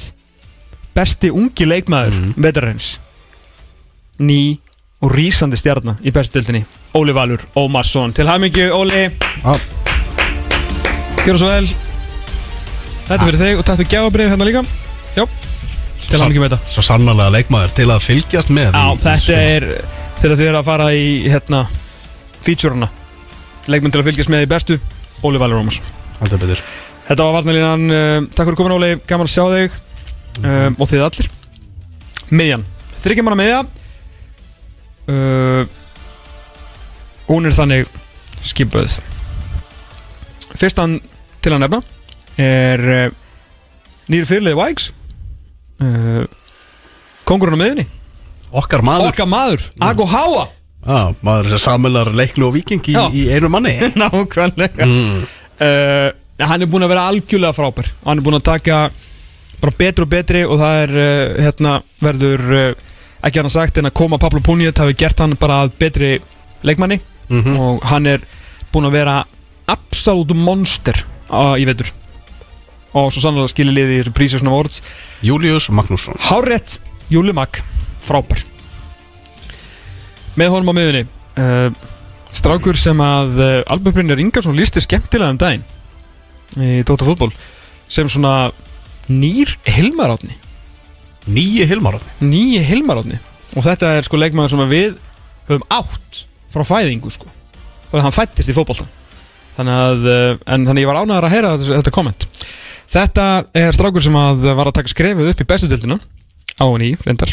Og búin að vera virkilega öflugur í mjög sprækulegi stjórnunar sem að vann fótbolti.net mótið, tökum við það sérstaklega fram hann breyðablík þar. Og tapaði síðan bara í undanúslutum lengjubikarsins eftir að hafa unnið breyðablík aftur þar sem að stjórnumennu voru líka bara svona aðeins að fýblast sem var svolítið skemmtilegt að uh, Jökull Elisabethsson var að klára hérna eitthvað námskeið KSIA eða eitthvað Mhm. og þurfti svona að prófa leik og valdi blikana og pakkaði hann svo bara saman. Það var svona, svona smá svona glens og grín í þessu líka. En unnið á samt fjögur eitt, flott þeim. Uh, En þetta er sjálfsögðu Jóhann 01 Jóhann Ragnar Gunnarsson. Síðan að við fengum póstumann hérna fórðum dag um hann og Valgi Lundal við báðið 01 mótil á þetta vel okkar maður En þetta er líka strákur til að hérna, fylgjast með og hann er bara búin að vera öflugur og kemur alltaf heilmikið spilin í þetta hjá þeim. Og Elva Geir eftir að þinn maður Breiðals Messi Já, Meiddist. Í búanum þá er líka bara smá ég ætla ekki að segja já, þú veist það er smá ábyrð að herðum Jóhann 01 Já. Hann grýpur annað með báðum höndum. Já, ég fagna, þetta er gaman að sjá hann þetta Tveir Ja. stöðtum menn Það er bara þannig. En þriði maðurinn á miðuna sem er einnig besti miðjumæður veturins og ef að býða með það? Nei, nei. Besti miðjumæðurinn Hann er bara bestur. Og besti leikmaður veturins pre-season 2022 Stóru velunin stóru velunin og óskiljanlegustu félagaskipti veturins Kristinn Freyr Sigursson FH Já, já. Til að mikið með þetta geti. Er býða eftir á Bressari Kásnes Ákvæðlega. Sigursson Já. er búinn að umbylta sóknarleikni af fólksins því að það er ekkert eitthvað brjálaðar hrað og sérstaklega eftir að Jónatan Ingi fór. Ég veit að Oliver Heiðarsson er hraður en, en Oliver er ekki the finished article. Það er alveg slattið sem hann á eftir að gera en hann getur orðið mjög góður. Þeir eru góður í fótboltaðana Lenny, Matti Villa en svo náttúrulega þeir eru með ekkert aðeins framar núna. Og það er ekkert eitthvað svona eitthvað sturglu dýnamík Nei. en þetta eru hrigalega góður fótboltamenn og hvað er Kristinn Freyr Sigursson? góður fótboltamaður. Þú veist, Óli Jó hefur hleyið bara þegar hann er hleið Þegar átt allt innu bara möguleika því að fá kitta bara til sér aftur sko. Ég sé hann fyrir mig sko bara á herrakvöldunum síðast í gær eftir framistöðuna hérna í gær að hann og Bjössi hafi svona þurft að halda um magan þegar þeir voru að hlæja þessu. Þú veist, hefur aldrei að verið svo gaman þér að þú heldur og drikk og þú ert svona næstu í búin að hella hún niður og þú svona, þú bara svona finnur verk í magan og þú ert að hlæja svo mikið. Kannast við það. Þannig voru Óli og Bjössi í gær sko. Uh, en já, getur freyr til hann mikið Þannig að við erum í sóknarlínunni. Komið Eh. þangað. Jóhann Átni, framöver Pablo og 12 grenju hlátur kallar. Þetta er með að borðast bref En þú veist, það er bara þannig. Já, já, það er Einhverjir vikingar Já, já, Pablo Puniet er þetta alveg góður Hann er mjög góður sko. Við ætlum ekki að mótmála því. Nei, en hann kemur sögu hérna Í nýjum dagskálið frá Tóma eftir. Ok. Herru að fara í sóklinna Já, Það eru þrýr þar. Á hæra vagnum uh, Annar leikmaður til að fylgjast með. Og uh, Eins og alltaf þá náttúrulega sjálfsögur leiknismæri liðinu. Já, já. Um, Þeir þurfa ekki að komast í undanústilda neitt. Við erum bara alltaf með leiknismann En þessi er enda búin að vera algjörlega frábær. Alveg bílað góður. Beilaður sko. Já. Og ekki, ekki bara góður heldur að skila mörgum. Mhm. Og hann er ekki svona framherri sko Danni Finns, Danni Finns Mattiasson Já, Hvað gerist þarna? hann er bara Allt búin að fyrir vera fór hann að finna helvitis markið Já, hann er búin að vera gjössala á eldi og megi þetta halda áfram. Það er það sem, að, það sem maður segir. Já, þú vilt það? Já, bara ekki, geggjaður, hann er búin að vera geggjaður og verðskulda að kalla þess hann upp í undir 21 áslandslið Já. og allt annað. Þetta Ah, er ekki búið að vera svakalegu vetur fyrir, fyrir Dalla Finns. Já. Þannig að hann er eh, Daniel uh, Daniel Finns. Mm -hmm. að Þú veist, ég held að fullt af fólki held að hann sé sko Finnsson Nei, er Daniel Finns Mattias Mattiasson, en hann bara kallaði Daniel Finns. Mm. Hinum einn uh, leikmaður sem að uh, maður sem að við reyndar áttum hörkur samræði við og sérstaklega ég að liði 50. skvöld Já, þar sem að uh, já svona samræður hann þetta gæti ekkert sagt neitt en hann svona var með alls konar skoðanir byggðar á engu. Top maður reyndar. Þetta sem er maður og sagði Alli Sigurjónsson væri ómendasti leikmaður deildarinnar. Rétt ára hann skoraði þrennu hann að einhver leiku móti leiknu um daginn sem er alltaf þetta berta sig í nokkuð tíma síð en já, hinum meginn er Alli Sigurjónsson. Já, nákvæmlega. Sem búin að vera bara puntur í punt besti leikmaður káur í meitur sko. Já, ég held að það sé ekki dósum sagt. Já, þeir leikir sem ég hef séð með KR þá hefur allir bara verið magnaður. Já. Bara virkilega góður. Virkilega góður. En besti framirinn og þriði maðurinn í stóklínuna í eh, liði vetararins Pre-Season Awards 2020 og 2 og fær hér að sjálfsögðu sín velun afhend Kristinn Steindorsson ah. breyða bliki Já, tökum með hérna Atlantic Cup aðeins inn í þetta og svona. Þetta er bara pre-season. Þetta er bara- Þetta er ekki lengjubika vel Nei, nei, þetta er bara undirbúningurinn af Íslandsmótinu og Kristi Stendarsson er búin að þakka svolítið niður í þeirri umræðu að, að blikar þurfi nöðsynlega að, að ná sér í nýju. Byrju, er það satt að hérna, Red Bull gæðin er ekki einu svona nýja, þetta sé kantmaður? Já, Þannig að er Kitty bara að fara að spila nýjuna? Ég, svo við vitnum bara í Óskar Rapp hvað er nýja og hvað er ekki nýja? Það er Nýja er þess að tala sem kemur á eftir 8 og undan 10 Já, Ok, Já. en hann er búin að vera frábær Og hérna, og gaman að þessu líka toppmaður já, algjör, algjör toppmaður Það er náttúrulega ímið snöpt sem að voru á, á blaði hjá okkur. Já, hver er, hérna, hver er fá sjátinn? Við getum henda á færeingin Patrik Jóhannesen, það í Keflavík sóknarmiðumæður sem Mhm. að við bara mælum sterklega með því að, að fólk fylgist með því í sumar. Hann er mikla bara, vonir. sókn, hann er bara sóknar maður Hann er bara búin að spila frammi með gipsarunum í 4-4-2 Já, hann er búin að vera alveg virkilega upplöfur og menn er mjög spenntir hann að suðu með sjó yfir, yfir því að sjá hann. Mhm. uh, uh, Hérna Baldur Lógi Guðlöksson sem leði satt uh, góða daga í uh, er- Pablo, Pablo Puniet í? Vikes Erlingur Agnarsson Ellingur Ragnarsson verulega góður hann Mhm. semi hefði átt að vera í liðinu en ég var svo reyður eftir gerða en hann eiginlega datt út. Já, Patrik Pedersen skoraði þrennu í úrslitaleg Reykjavíkumótsins Já. það má ekki gleymast. Má ekki glemast uh, var það hann hörku upplöfur þar eftir sem hann hefur svona minna heist af honum. Mhm. þannig að hann komst ekki lið og var örgulega drullu fút með það eftir þrennuna í úrslitaleg Reykjavíkumótsins Mhm. uh, Kristján Flóki búin að uh, mun betra undirbúrstíma bil heldur en í fyrra uh, Jasson Daði Svanþórsson í, í breyðabliki Ísak Andri í, í stjórnunni já, annar, annar stjórnumæður sem við getum nefnt þarna. Ég, ég vil nefna minn mann í vinstri bakverðinum hjá, hjá leikni, Birgi Baldvinsson sem er búin að raðin mörgum hann bara búin að bá svona hverju markinu og fættur öðru fyrir utan teig. Mm, sex marka maður í lengjubíkarnum uh, Emil Atlasson Emil Atlasson, hann var bara nála til að komast í lið. Mjög nálægt í, hann bara fór svolítið sent á staðin en lengjubíkarinn, hann var frábær þar. Bara verulega góður. Uh, erum við að gleyma einhverjum? Óttið KR ekki þannig að hef búið að reyja, flóki við skoraði all- allan á fjögur í riðlinum. Já, ég myndist á hann. Uh, hérna Sigur Bjartur, búin að mikið power í honum sko, kannski var ekkit nálægt liðinu en hann er búin að eiga, hann bara stempla sig vel búin að stimpla sér inn í káðinu já. og hérna og uh, já, meira er það ekki. Það var svolítið svona ple í gangi og káa engin eitthvað svona brálaðislega heilla mann eitthvað þar sko nema, veist, hérna minn maður nökkvi hérna, búin að fýtt Mhm, Þannig að, já, þetta eru svona þeir sem voru eitthvað stærri kringum þetta. Heldur betur. En ef að fara í nýja tómliðin? Já, þetta er bara rétt að uh, rifja þetta upp. Besta uh, vetrarliðið. Besti markurur og í markjun Ingvar Jónsson Vikingi, besti ungi, besti varnamæðurinn og í varnalínunni Óli Valur Ómarsson. Stjórnunni með honum Rasmus Kristensen, Ólafur Guðmundsson FH og Áspil Þórðarsson FH uh, Á miðunni Július Magnússon Vikingi Jóhann Átni Gunnarsson að Jóhann Úl Einn uh, stjórnunni og besti leikmaður vetrarins, besti miðumæðurinn Kristinn Freyr Sigursson FH Frammi Daniel Finns Mattiasson Leikni, Alli Sigurðarsson Káur og besti frammerinn Kristinn Steindorsson Breiðabliki. En þá er við eftir besta þjálfvaran Já, það er með þeir hann maður. Já.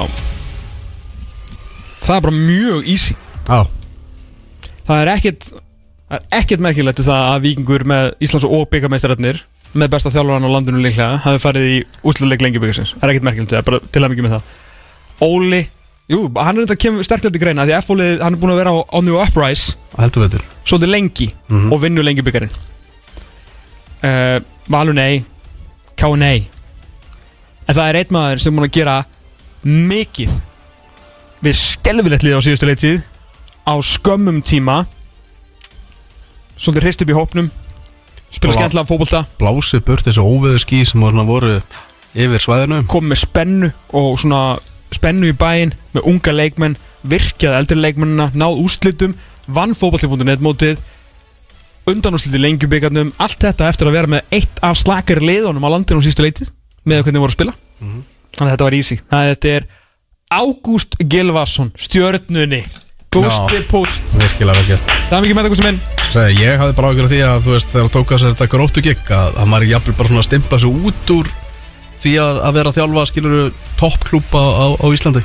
Já, það er líka eitt vittlusasta múf sem ég hef séð mann taka að lappa þær inn í skólanans Óskars eftir það sem að hafa ekki bara Óskar, bara það sem, bara konseptið já. En Gústi náði vopnum sínum. Heldur betur. Já, já, bara að gera frábæra hluti núna í, í Garðabænum Lítur vel út. Hver hjá stjórnunu núna í stjórnarherbygginu er bara Jep, þetta var mínu mynd. Ég, Það er ekki trúa þessu straka minnir Já, jökullu hliðina á honum og þeir að ná afskaplega vel saman. Já, Það er bara þannig, heyrðu En það er, þú ætlar að kýrla þetta til leiks. Nýjan dagskrálið Ég er að stressa Við strax erum svo nýjunga kjarnir strákandir Já. Herru, Já. Þetta heitir Besti píramidin Eða fimm þrepakerfið? Ég er ekki búin að ákveða alveg. Eða besta 5 þrepa kerfið Eða besta fimm þrepakerfið. Þetta er svona píramidi Þetta eru 15 bestu leikmenn Bestu deildarinnar á uh, hverjum tímpúndi Og auglustlega það sem að mótið er ekki byrjað 23 dagir í mót fæ ég ekki vamp Eða? Jú, jú Það er ekki bara kemur ekki bróðis eða, eða stefið? Stefið. Herru. Já, þetta er þannig. Þetta er uh, Fyrsta línan er auðvitað besti leikmaðurinn Svona komandi inn í tímabilið. Mm. Síðan eru tveir eftir því Svo koma þrýr Og svo fjórir Og svo fimm. Mm. Þetta er eins og píramidi skilur Ég skil þetta. Mm. 5, 4, 3, 2, 1 1, 2, 3, 4, 5 15 leikmenn í hendina. Uh, Þetta breytist. Þetta er flæðandi listi. Mhm. Alveg eins og uh, leikmannahópar hjá Óskar Hrafni. Mm. Leikmannahóparnir eru flæðandi. Já. Það best að vera efst á píramítanum og Já. þar er bara einn kall. Það er bara eitt kall, svo eru tveir, svo þrýr og svo fjórir og svo fimm og ég bara kannski eftir fjórarum fyrir verð ég búin að uppfæra þetta. Þú veist, þú bara getur líka beðið um þetta. Já. Kannski getur fimm, Nýja kannski mi- getur sex. Nýjan píramítatakk já, kannski vil ég aldrei gera þetta aftur. Og þá verður þú bara að díla við það og þig. En þetta er allavega, mér langar að prófa þetta hérna. Uh, Fyrsti píramítin fyrsti, besti fyrsti píram- besti pyramidin byrjum á topnum og þetta byrjar illa. Og þetta er ólíknir. Nú að byrja á toppn Já. já, Líklegast til að vera bestur? Já, þetta er einhvern veginn, þetta er svona besti leikmaðurinn komandi inn í deildina En þetta er skrítið og ólíkt mér Því að hann uh, hefur ekki spilað þessari deild síðan bara á hann krakki. Mm. Holmar Örnei Jálsson er á topnum Ég skil þetta Og þetta er líka bara til fullkomlega. að setja smá pressu á hann En Fullkomlega. hann er að koma eftir að þú veist, Ef allt er eðlilegt er hann byrjunulegismæður í, í íslenska landslíðinu Og ég skil ekki alveg af hverju hann er ekki þar. Uh, Hann er það góður. Hann kláraði tímabili með Rosenborg Einu besta liði Norrlanda Núna, þannig að hann er að koma bara frískur heim Og hann hefur verið öflugur í þeim leikjum sem hann hefur verið að spila á undirbúinistímabilinu Og bara með við gæðin sem hann hefur Finnst mér hann einhvern veginn eigi eða er besti leikmaðurinn í bestildinni komandi inn í hana Og því er hann á toppnum á fyrsta pyramidunum Hann er bara 31 árs. Og það, nóg eftir. Mm -hmm. uh, Næsta þrepp, það eru tveir. Þeir eru báður á miðjunni, þeir eru í tveim bestu liðunum á Íslandi í dag Kanski kemur eiginlega ekkert óvart, ég held að allir gætur raun og verið giskað á þetta. Þetta eru Viktor Karl Einarsson Breiðabliki og Pablo Punjet Víkingi. Mm. Og mögulega bara tveir á svona ásand Kitta Frey, við erum þetta tveira bestu miðjumönnum í, í deildinni í dag ekkert meira um það að segja. Það voru báði virkilega blöður á síðustu leiti og, og Pablo gerði auðvitað tilkall til að vera á toppnum bara út af því hann er með byggarinn í skápnum. En uh, það var ekki alveg skemmtilegt. Í þriðja þreppi Það eru þrýr menn. Ingvar Jónsson, Markur Víkings Besti markmaðurinn í deildinni og mikilvægsta staðan á vellinum. Kristinn Freyr Sigursson sem ég hef, eins og heyrist hef mikið dálæti á uh, og er erfitt að hafa hann ekki ofarinn í þriða og það getur breyst mjög hann, en hann er samt hann í þriða þreppi og með þeim í þriða þreppi í pyramindunum er Patrik Pedersen. Þá að hann hafi ekki átt sér- sérstaklega góða leiktíð í fyrra þá er bara ferilskráin þannig gæðin og það sem við séð á Prísísson að hann er á að geta vera neðar heldur en í þriða þreppi Holmar Rödd Næstur, Viktor Karl, Pablo Púnit í öðru Ingur Jóns, Kristi Freyr og Patrik Pedersen í þriða þreppi í fjóruða þreppi maður sem að fær ekkert sérstaklega mikið respekt og það er enginn að búast við að hann muni eiga leiktíð eins og hann átti fyrra og ekki nálægt í einu sinni. Uh, en þú gengur ekki fram hjá markastu leikmanni deildarinnar Nikolai Hansen er í fjóruða þreppi þar líka besti framherri veturins Kristján Stendósson sem er náttúrulega miklu meir en bara einhver strækir náttúrulega afskaplega góður fótboltamæður Hallgrímur Mar Stengrinsson einsmanns herin í stöttusokkunum fyrir Norðan. Lítið verið með, já, Prísesson og Alabama born Aaron Johansson Já. Hann er í fjólaþreipi Einhverjir myndu setja spurningamarki við að hverju hans ekki var. Já. Uh, og ég skil það mjög vel. Já. En hann spilar rosa lítið af fólta og það eru tvö ár síðan hann átti þetta frábæra endurkomin tímabil sitt með Hammarby í Allsvenskan þar sem hann var reynda frábær 12 mörk í 22 leikjum eða eitthvað marki öðrum hverju leik og, og hérna gaman að sjá. En hann er samt að búin að vera svolítið, svolítið mettur, búin að koma ágætur inn. Og í þá leiki sem hann er að spila en það er miklu erfið að koma heim og vera frammeiri heldur en nokkuð tíma miður. Miklu erfið og ég er bara þráttur að vendinga margra séu mjög miklu til hans að þá finnst mér hann ekki einu svona besti sóknumæðurinn í sínu eiginliði þar til að ég fæ að sjá eitthvað annað og uh, ég myndi taka alla þessa leikmenn sem ég taldi upp í dag ég myndi taka Áran Jóhansson um milli og það er ekkit last á Áran Jóhansson mér finnst bara hinir betri sko. Þú veist, það, það er ekki verið last allir á þessum lista eru þarna þeir eru góðir sko. bara misgóðir og búin að gera mismikið á síðustu missir sko. í 15 þreipi neðstir á píramindunum er samt þó inn á topp 15 leikmönnum deildarinnar. Það eru 12 í deildinni sko, það er alveg gamla að vera aðna myndi ég halda, Gísli Egursson Breiðabliki Július Magnússon Vikingi Jason Daði Svanþórsson mm Breiðabliki átti smá erfitt með þetta en svona að hann spilaði ekki nógu mikið fyrir en hann er bara svo skemmtilegur sko. Já. það er ekkert margir í deildinni sem bara fá boltan og bara fucking strauja á gaurinn og skora. Nánast engin nei, eiginlega engin, þannig ég, ég bara dýrkan ah. Stalli, Kristall Moon Kristall Máni Ingarsson og 15 þreppi og mikið disrespect á hann geggja leikmann að vera í 15 þreppi því að en hann bara sökk svolítið með liðinu sinni fyrra. Stephen Lennon. Þetta er skemmtilegt. Mjög skemmtilegu pyramidi ég er í áfalli sjálfur að Matti Villa sé ekki hérna Já það er bara, og ég veit, þú veist, vantilega bara að vera að kveikja í hafnafyrir, eða hei, hafnfyringar að kveikja í heimilum minn núna, sko. Æ, hérna, þetta er bara svona, þetta er líka bara til gaman skert það þurfi ekki, að- er ekki alltaf að trompast yfir öllu. Hólmar Næstur, Viktor Kalla Pablo, Ingvar Kristinn, Patrik Pedersen í þriðja Nikolai, Kitty Steindors, Hallgrífur Mar og Aron Jó í fjóra þrepi og fymta þrepi Gísle Eyjóls, Júli Magg, Jason Dæði, Kristall Máni og Stephen Lennon. Þetta var fyrsti pyramid Já, hlaka, strax fann að hlaka til þegar næsti pyramidi verður. Ég mun jafnvel heimta hann bara strax í næstu viku Það getur verið Á ég að þóra að setja á Twitter, ég nenni ekki að setja á Twitter og fá alltaf eitthvað, veist. Jú, jú, jú, bara gerðu baki breytt. Ok og kemst í gegnum þetta. Það er þannig. Herðu, ef við ekki að taka okkur smá hlje uh, Óli Jó er vantalur í hús eftir augnablik Hvorki verður minna. Það er eiginlega allt of, allt of langt síðan ég hef spilað signi í þessum þætti og ég var ákveð að bæta algjörlega úr því. Óli Jó Ú, að ég segi þetta eftir Ég, ég verður að fóra rannsóknarvinnu um, um síðustu komi Óla Jó hérna í, í síðast. En, Já, Endilega skemmt. hlusta á sig, svo komum við tilbaka með uh, kókinni fyrir hennu Já, nákvæmlega, miklu skemmtilega líka og segir þetta bara fyrir framann hann sko. Rétt. Þú ert að hlusta á fótbolti.net á Exinu 977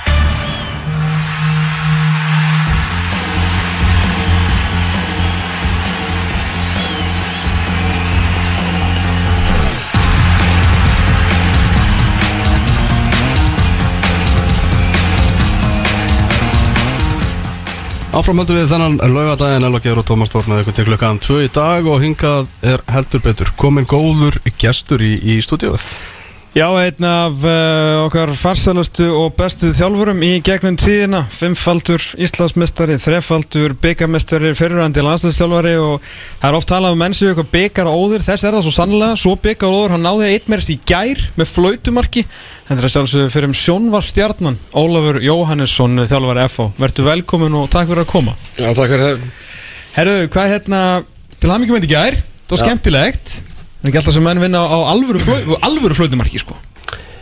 Nei, nei, það er, það er alltaf betra að vinna leiki þannig, að, þannig að það var ég var nú að reyna að reyna upp hvort þetta einhvern veginn gerst á ég man nú ekki eftir því.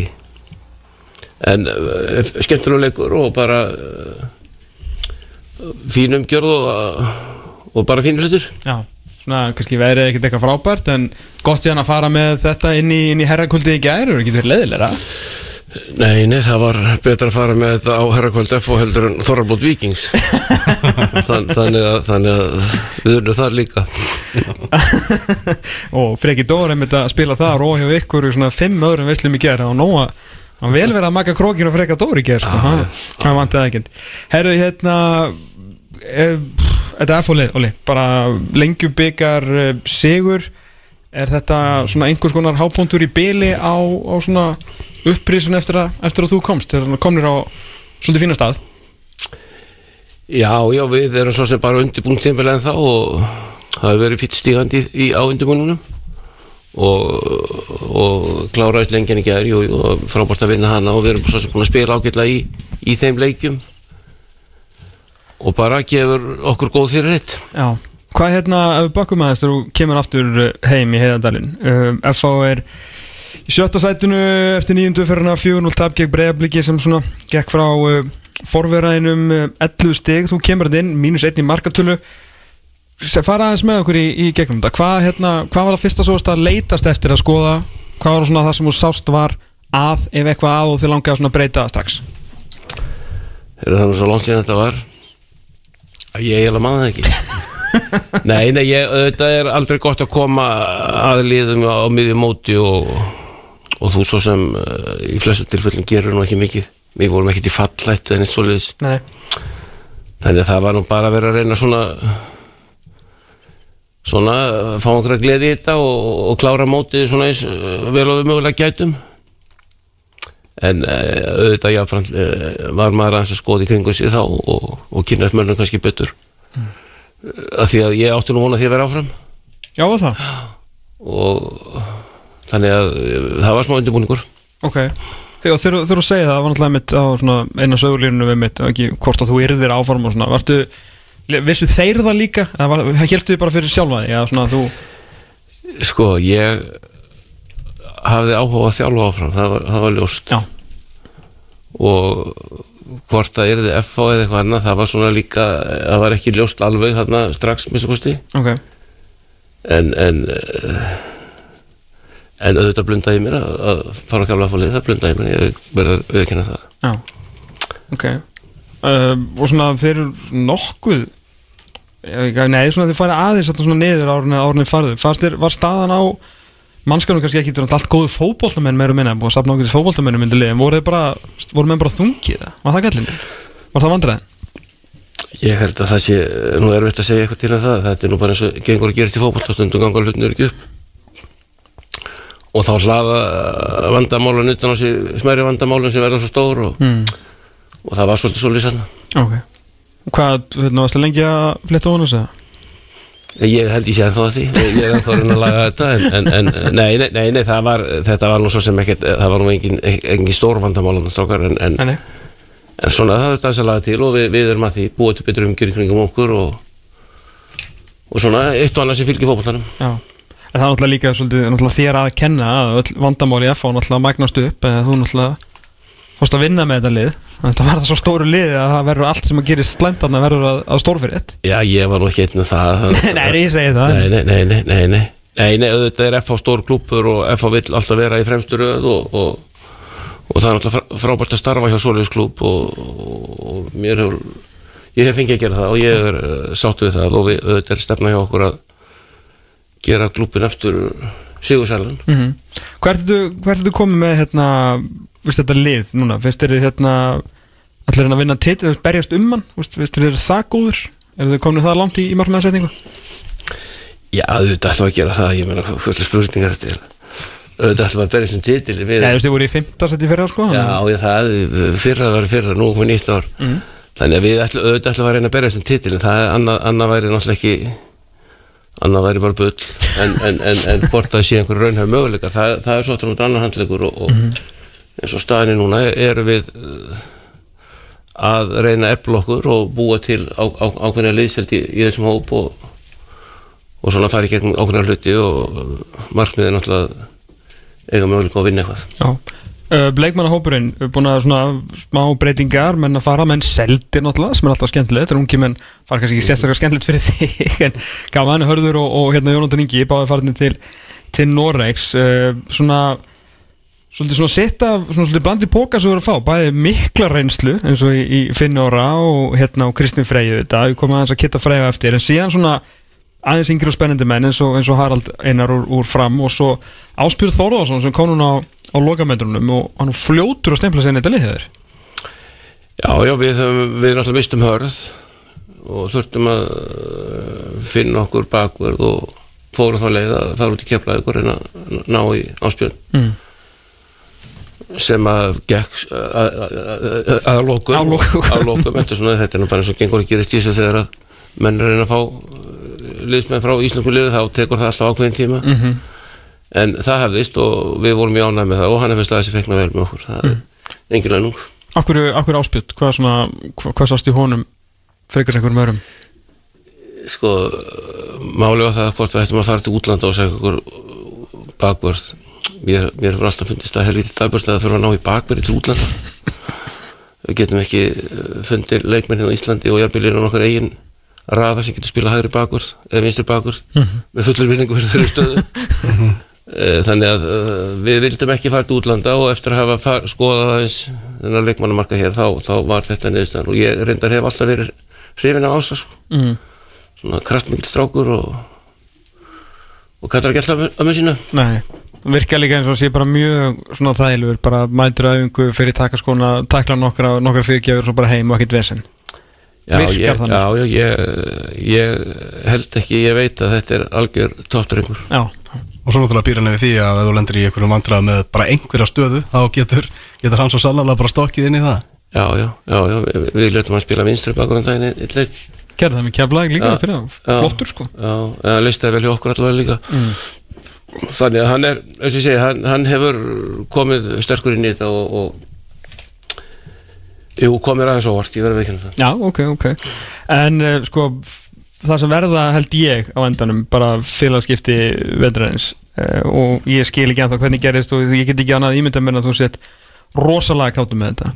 Að fá Kristinn Freyr Sigursson frá, frá val. Því þetta er náttúrulega bara búin að vera besti leikmaður þú þekkir náttúrulega mjög vel og gerði mjög góð hluti fyrir þig og held áfram að gera fyrir eftirmannin, hvað hérna trúður þið bara þegar hann var búin að skrifa undir það að bara eitthvað lið hafi látið hann fara Já, ég vissi það náttúrulega, fyrst af alveg vildi ekki halda honum, þá vissi ég að hann kemur í FH, það, það var aldrei neitt maður mínum hugum með það. Ok, eru þið treyðið bara bundið treyða böndum með það?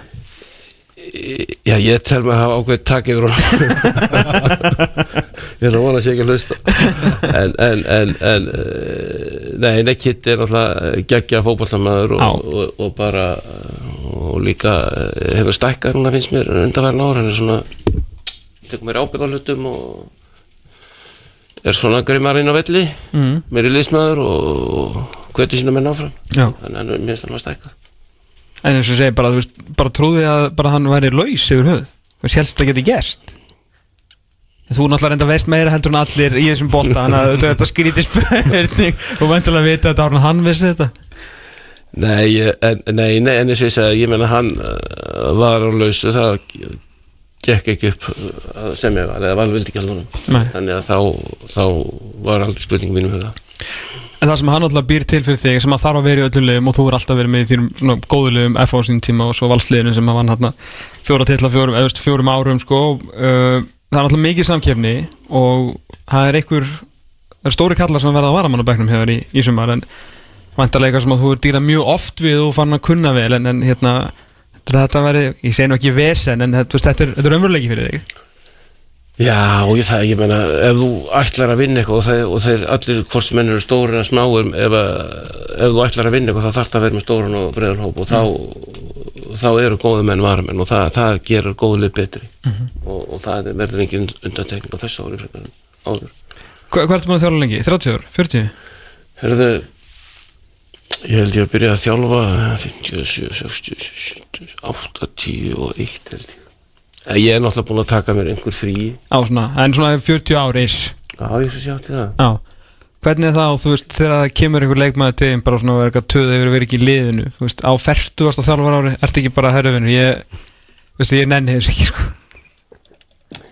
Nei, ég er ekki svo leys. Ég, ég er nefnilega, eh, auðvitað eru menn, vilja allir fá að spila og það er bara eðlu hlut. Og, og, og það sem er líka eðlu hlutur að vara menn verði fúlir. Mm En þú verður náttúrulega meðfælla leikmenn alltaf eins, þú verður náttúrulega sína virðingu og, og rey- reyna eins og getur að útskýra þitt mál sem að, sem að stundum sem menn skilja ekki alltaf og það er bara þannig en, en, þú verður náttúrulega að tala um menn og, og svona og ég geri það ég, uh, mér finnst það ennþá gaman Ok, að taka samtalið. Já, ég geri það. Já. Hvernig er hérna en svona yngri leikmenn í, í fótbollurinn dag, þetta er svona umræða sem maður tekur oft við, við þjálfara, sérstaklega svona yngri flokka þjálfara sem er náttúrulega kannski bara með yngri krakka, að hérna, að tíðarandin hefur náttúrulega breyst og unga fólki í dag hefur náttúrulega, er allt öðruvísi heldur með bara ég og Elvar vorum ungir, sko. Hvað hérna, hefur þér fundist hérna krefjandi að svona bara læra unga fólki í dag? Hvernig þú mátt og átt að tala við það? Nei, mér finnst það nú ekki Nei? Ég hef nú Ég nota bara mitt tungumál það, það er, Og þeir sem ekki skilji það Þeir, þeir, þeir verða bara að fara hvaðna Nei, nei, það er, er, er, er hlutinir alltaf öðru í stað og ungi leikminn eru náttúrulega öðru sem voru áður fyrir Mm. Eh, Ég held að sé komið meiri svona meiri tækni og meiri þekkingin í þjálfun heldur en var Mm. að maður komið sem því það að ég er með fleiri aðstofamenn en þannig, að- þannig að það er svona eh, jú, fótballin er miklu flott en þetta heldur en var. En er það, þú veist, er það, er þetta er menn viðkamari, þú veist, svona meira ég held, ég held að það sem að okkur vandi okkur vandi kannski svona við það sem áður var það vantar svona kannski aðstæði karakter. Já, það er kannski út af því að menn fá fá mikið upp í hendunar á þess að þurfa fyrir því. Ég held að það sé svona mér finnst það að vera svona stæðst að mínusunnis já, já, já, mitt En svona kannski svolítið tilallan saman meiri hjá sum já, ég, já, ég held að það sé. Mitt 23 dagar í, í mót. Þarna leikmannhópurinn hjá FH eins og hann er núna. Viltu bæta eitthvað aðeins við hann? Viltu fá 1-2 leikmann? já, gjarnan, veistu þá? Nei, ekki fljótu ég, jú, jú, ég við ætlum að sækja okkur 23 leikmenn núna. 23 er viðbúin Ok. Já, við, við, við, við, við verðum að stekka hópin það er bara þannig. Og það, verður það ekki erlendi leikmenn? Það meina, er, eitthvað, er ekki markaðurinn búinn hér, mettur heima? það, það er eitthvað sem erum að skoða núna. Já. Já, þú náttúrulega varst náttúrulega bara að missa einn í gær þannig að því raun og veru, svo veist, þó þú Ólefur heiða svona ungur öfnilegu strákur en þið vantar náttúrulega smá hjálp í framlýnina já, já, já, já við, eins og ég sé við, við, við, við ætlum að vera inn að stekka hópin við ætlum að ná okkur í 34 leikmenn. Og hvað var það 34 í næstu setningu? hvað sagði ég á 23? Já, eða 23 Annarkvort Herru, hvað hérna, hvernig verður þessi hvernig, herru, ég bara, við erum náttúrulega að spyrja um aða þjálfara sem koma hérna, hvað veist þér nýja fyrirkomulega? Bara að, þú veist, um það og býja að prófa það. Já, ég, sko ég bara veit ekki. Ég held að það verði verði bara að fá að prófa það. Ég held að það séu margir gallar á þessu systemi og, og, og það er alltaf eftir að vera villstúrlega Hva, Hvað þá helst, af hverju- ég meina liðin frá sjö liðin nummer sjö, sex, fimm, sex, sjö, átta þau getur haft að engu að keppa Mhm. engu ef, við- ef, ef, ef við skiptum dildin niður eins og var í fyrra Mhm. þá vorum við í sjötta seti Mhm. og við höfðum að engu að keppa ef við haldið áfram, langar lengu Mhm. þannig að við höfum geta stilt upp liði með ungu strákum, við erum ekki að einn séns og hvað hva, erum við þá ekki sí, sína mótin ákveðin svona gefa skítið það kannski Já, ég meina þú veist, það var náttúrulega ef, að- ef að þið, ef þið eins og segir, sjötta þá hefðu þið verið í æðru hlutanum. Og þú, ef að þú alltaf að fara að nýta að gefa einmitt ungu strákursens í leik kannski móti breyðablíki sem var að berist um titlilinn, þá var náttúrulega vikingandi trompast, sko. Já, já, ég er að segja það, ég held að, ég held að koma mikið svona ég held að sé, sé verði ansi margir leikir hjá ansi mörgum liðum sem skipt engum máli. Já, hérna, já, eftir sem sagt 22 já, eftir sem sé þeir úr Já, já, já. ég, ég, það er náttúrulega augljóskalli á kerfinu, það segir sérlega sjálf, skilur við, og raun og veru eina spurningin er bara hvort að það verði svona stærri saga heldur en hvað hitt verður skemmtilegt. Já, ég, en ég meina, en, en ég er al- algjörlega sammála því við þurfum að spila fyrir leiki, sko. Já, Þa, já. það, það er algjörð möst og, og ég hefði bara viljað fara í þrefald umferð. Með 12 eða? Ég veit að 10 er draumurinn en, Já, já, en tí, tíu er best, en, en, en ég meina, áhverju ekki alveg að prófa það á tólf eins og, eins, og- eins og prófa þetta, ég, ég get ekki sér neitt með á því. Hvernig er þrýfjóru leikir, Nei, 33 umferðir. til dæmis. Ég meina, fer ekki eh, stór hluti af Íslandsmótinu fram að gera grassi? Já, er, er reyndar ekki ára en almennt, jú. Meirinn helmingun og grasi núna. Ég heldur að fara ekki, ekki þessu ári margir, ég sem verið stór hluti af gera grassi. Já, ég meina bara liðin fyrir ekki, ég já, sjö já, eru með félög en með Káa grasi. byrjar og mögulega leiknir fyrstu leikina, ég veit það ekki, Já, spurning hvað, hvað framararnir eru, að- eru að fara að spila Já. Þú veist þetta ég held að vera eitthvað að spila á í árbænum og eitthvað sko Já, já, ég er, ég er að segja Ah. það, sko. ég, ég held að verði einhver hluti á Ah, Er þið skiptir það einhver mál hvort séu hvort þeir því leikir viðbútt? Ég get ekki séð það. Nei, nei, nei, svo, en, Þa, þannig að en, en það verður uh, gaman að sjá hvernig þetta, hvernig þetta system verður og, og, og hvað gerist því. Er, er, er, spilaði ekki svona spilaði ekki svona í Danmörku núna? Jú, deildin er að klára og klárast núna um sundaginn og svo fara þær í svona dæmi, sko. mhm. Og þá og, liðið sem lendir þar í, í sem sé uh, sjönda sæti Mhm. spilar leik við liðið sem lendir í þriða sæti um Evropasæti ekki? Jú, það er svona, sem sagt, Östuríki eins og liði sem að, hérna, blikarnir spiluðu við núna, hvað var það, Ástriða Vín eða ekki? Þeir eru í svona búin að vera í smá öldudal í Östuríki, þráttur að vera stórt félag, en þeir eru tvær leiktýri röð sem sagt búin að vinna neðri hlutan og fara í svona umspil um, og raun og vera að fá Evrópusæti út á sjöundasæti. Ah, ok. Og Danið, minna, Óli Kristjáns var ekki langt þeir eru fjórum fyrir eftir og þú ert í sjötta seti og átti ekki séns að ná í fyrst og annað tapa rest og endi sjönda unni neðri hlutan og, og komið sterkur inn í eurum sko. Já, ég er saman þetta fyrst með bull sko. Já, þetta er, en, en þetta eru möguleikar þegar uh, spilaður í svona þegar að ræða liðum eftir, eftir sætum í einhverja kefni þá, þá er þetta alltaf möguleiki sko. já, já. En alltaf, helsti kostur við þetta er að við getum bakkað sko. Já, já, já, já algjör, algjörlega. Og, og, og ég meina kostunni líka sá að við fáum fleiri líki og, og, og, og það er það sem við erum sækist eftir. Er þetta ekki, já, þú veist, það er náttúrulega búin að tala um það lengi og við erum náttúrulega að sé það hvert við erum komnir á, á Europakortinu í, í hérna, í fórkeppnina Já, sjálfa, þetta er ekki búið að vera gott í svona tíma. Nei, með við höfum dreist þess aftur og það er árið Ertu með einhverja ástæðu fyrir eitthvað næra? Nei, ég, nei, ég ég veit ekki hver hún er Nei, en, en, en það er helviti fúlt að missa þetta Európa-sæti, það var, var skerð já, já, missa, já, og náttúrulega mestararnir okkar núna árlega já, já, fara náttúrulega í, í þessa fór-fór-keppni, sko. Já, já. Já, við, já, já, við, en þetta er bara staðreyndin. Við verðum bara einhvern veginn að bæta okkur og fyrsta leiðin til þess er að spila fleiri alveg leiki og við, við erum að prófa það núna. Mhm. Þannig ég held að ég held að það hljóta að fara að lagast Já, Aðeins út í hann að úrslitaleikin í, í gær í, í lengjunni Hvernig er svona Hvernig bara fannst þér þessi leikur? Hörðu, mér fannst hann bara fýtt sko, við vorum það voru náttúrulega það var svolítið vindur. Svolítið leiðilega staður en, en, en, en samt er nú eins og menn, eh, tala menn ekki um alltaf að sé logn í Já, já, já ekki gæri þetta, það var skrítið. Það var ekki, það var, ég held að bætti það var nú reyndar ágætt, það var ekki alltaf í fyrirháleik ég held að það verið svona þáttliti fyrirháleik Seinnáleikurinn var hræðilegur, þá Já. stóð hann líka á hliðina. Já, en, en mér fannst og og hefur fundist vikingsliðið mjög fínt núna núna bæði fyrra og, og, á, þessu undirbúinstjólu við ster, sterkir og skemmtilegir en, en, en við höfum verið svona við stígandi í okkar leik finnst mér. Og, og leikunni gerða bara fín sangjant ekki sangjant það er, það er annar mál, mér fannst það mjög sangjant þannig, að, þannig að það er bara eins og það er en, en, en eh, gaman að vinna, það er, það er ekki spurning. Mhm. Hvernig líst þér á svona þennan slag um Íslandsmeistaratitilin í, í sumar? Hvað þetta verði þessi möguleiki bara á að mörg lið taki þátt í, í þeirri barð? Já, ég vo- vona það allavega. Ég, að það verði spennandi, það var nú spennandi fyrra og, og ég, jú, jú, ég held að verði svoleiðis áfram, ég held að verði svona þetta verður svona sami pakki og verið það undan ár og alur breyðablík, vikingur fá vonandi. Káar, káir ég held að það verði, verði svona þau lýs sem verða að breysta með þetta. Er ekki alveg fimm lið bara, sem geta alveg bara sett skýrastefna á þetta? Það er ekki, Nei, þessi fimm sem varst að telja upp? Jú, jú, jú, jú, jú, svona jú. ef allt gengur upp og allt ef allt gengur upp sko þá, þá ef allt gengur upp í öllum þá vinn ég Nei, það, það, það eru eru möguleg margir nokkuð sem að gera örugglega tilkall til þess að vinna þetta mót og ég, það er bara frábært Algjörlega.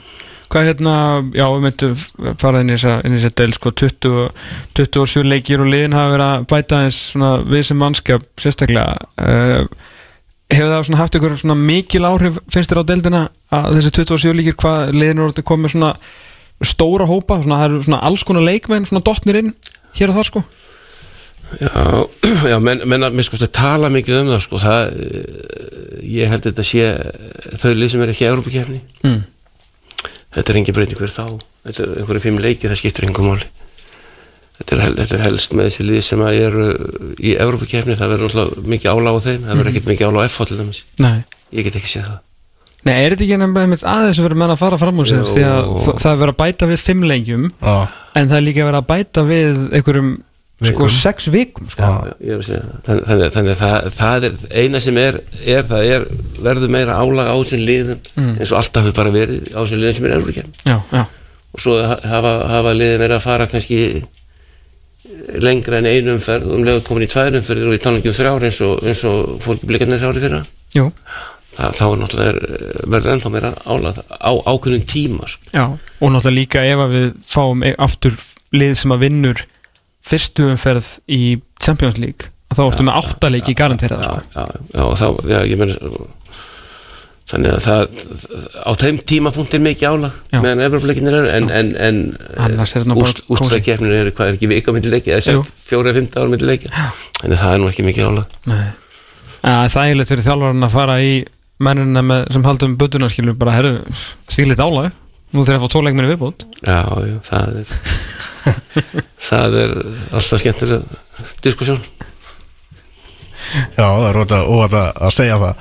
Þannig að þessi, þessi besta deild Náttúrulega 11 lið þannig sem hafa orðið Íslandsmeistara sem að Já, bara öll 11 félögin sem hafa fagnað Íslandsmeistaradeildir saman á, á, á, á hérna í deildina á þessu sinni. Er ekki svona skemmtilegt að akkurat þegar það er verið að prófa nýtt nafn Það er verið að prófa nýtt, nýja útvarslu að þessu öll samankomin hann?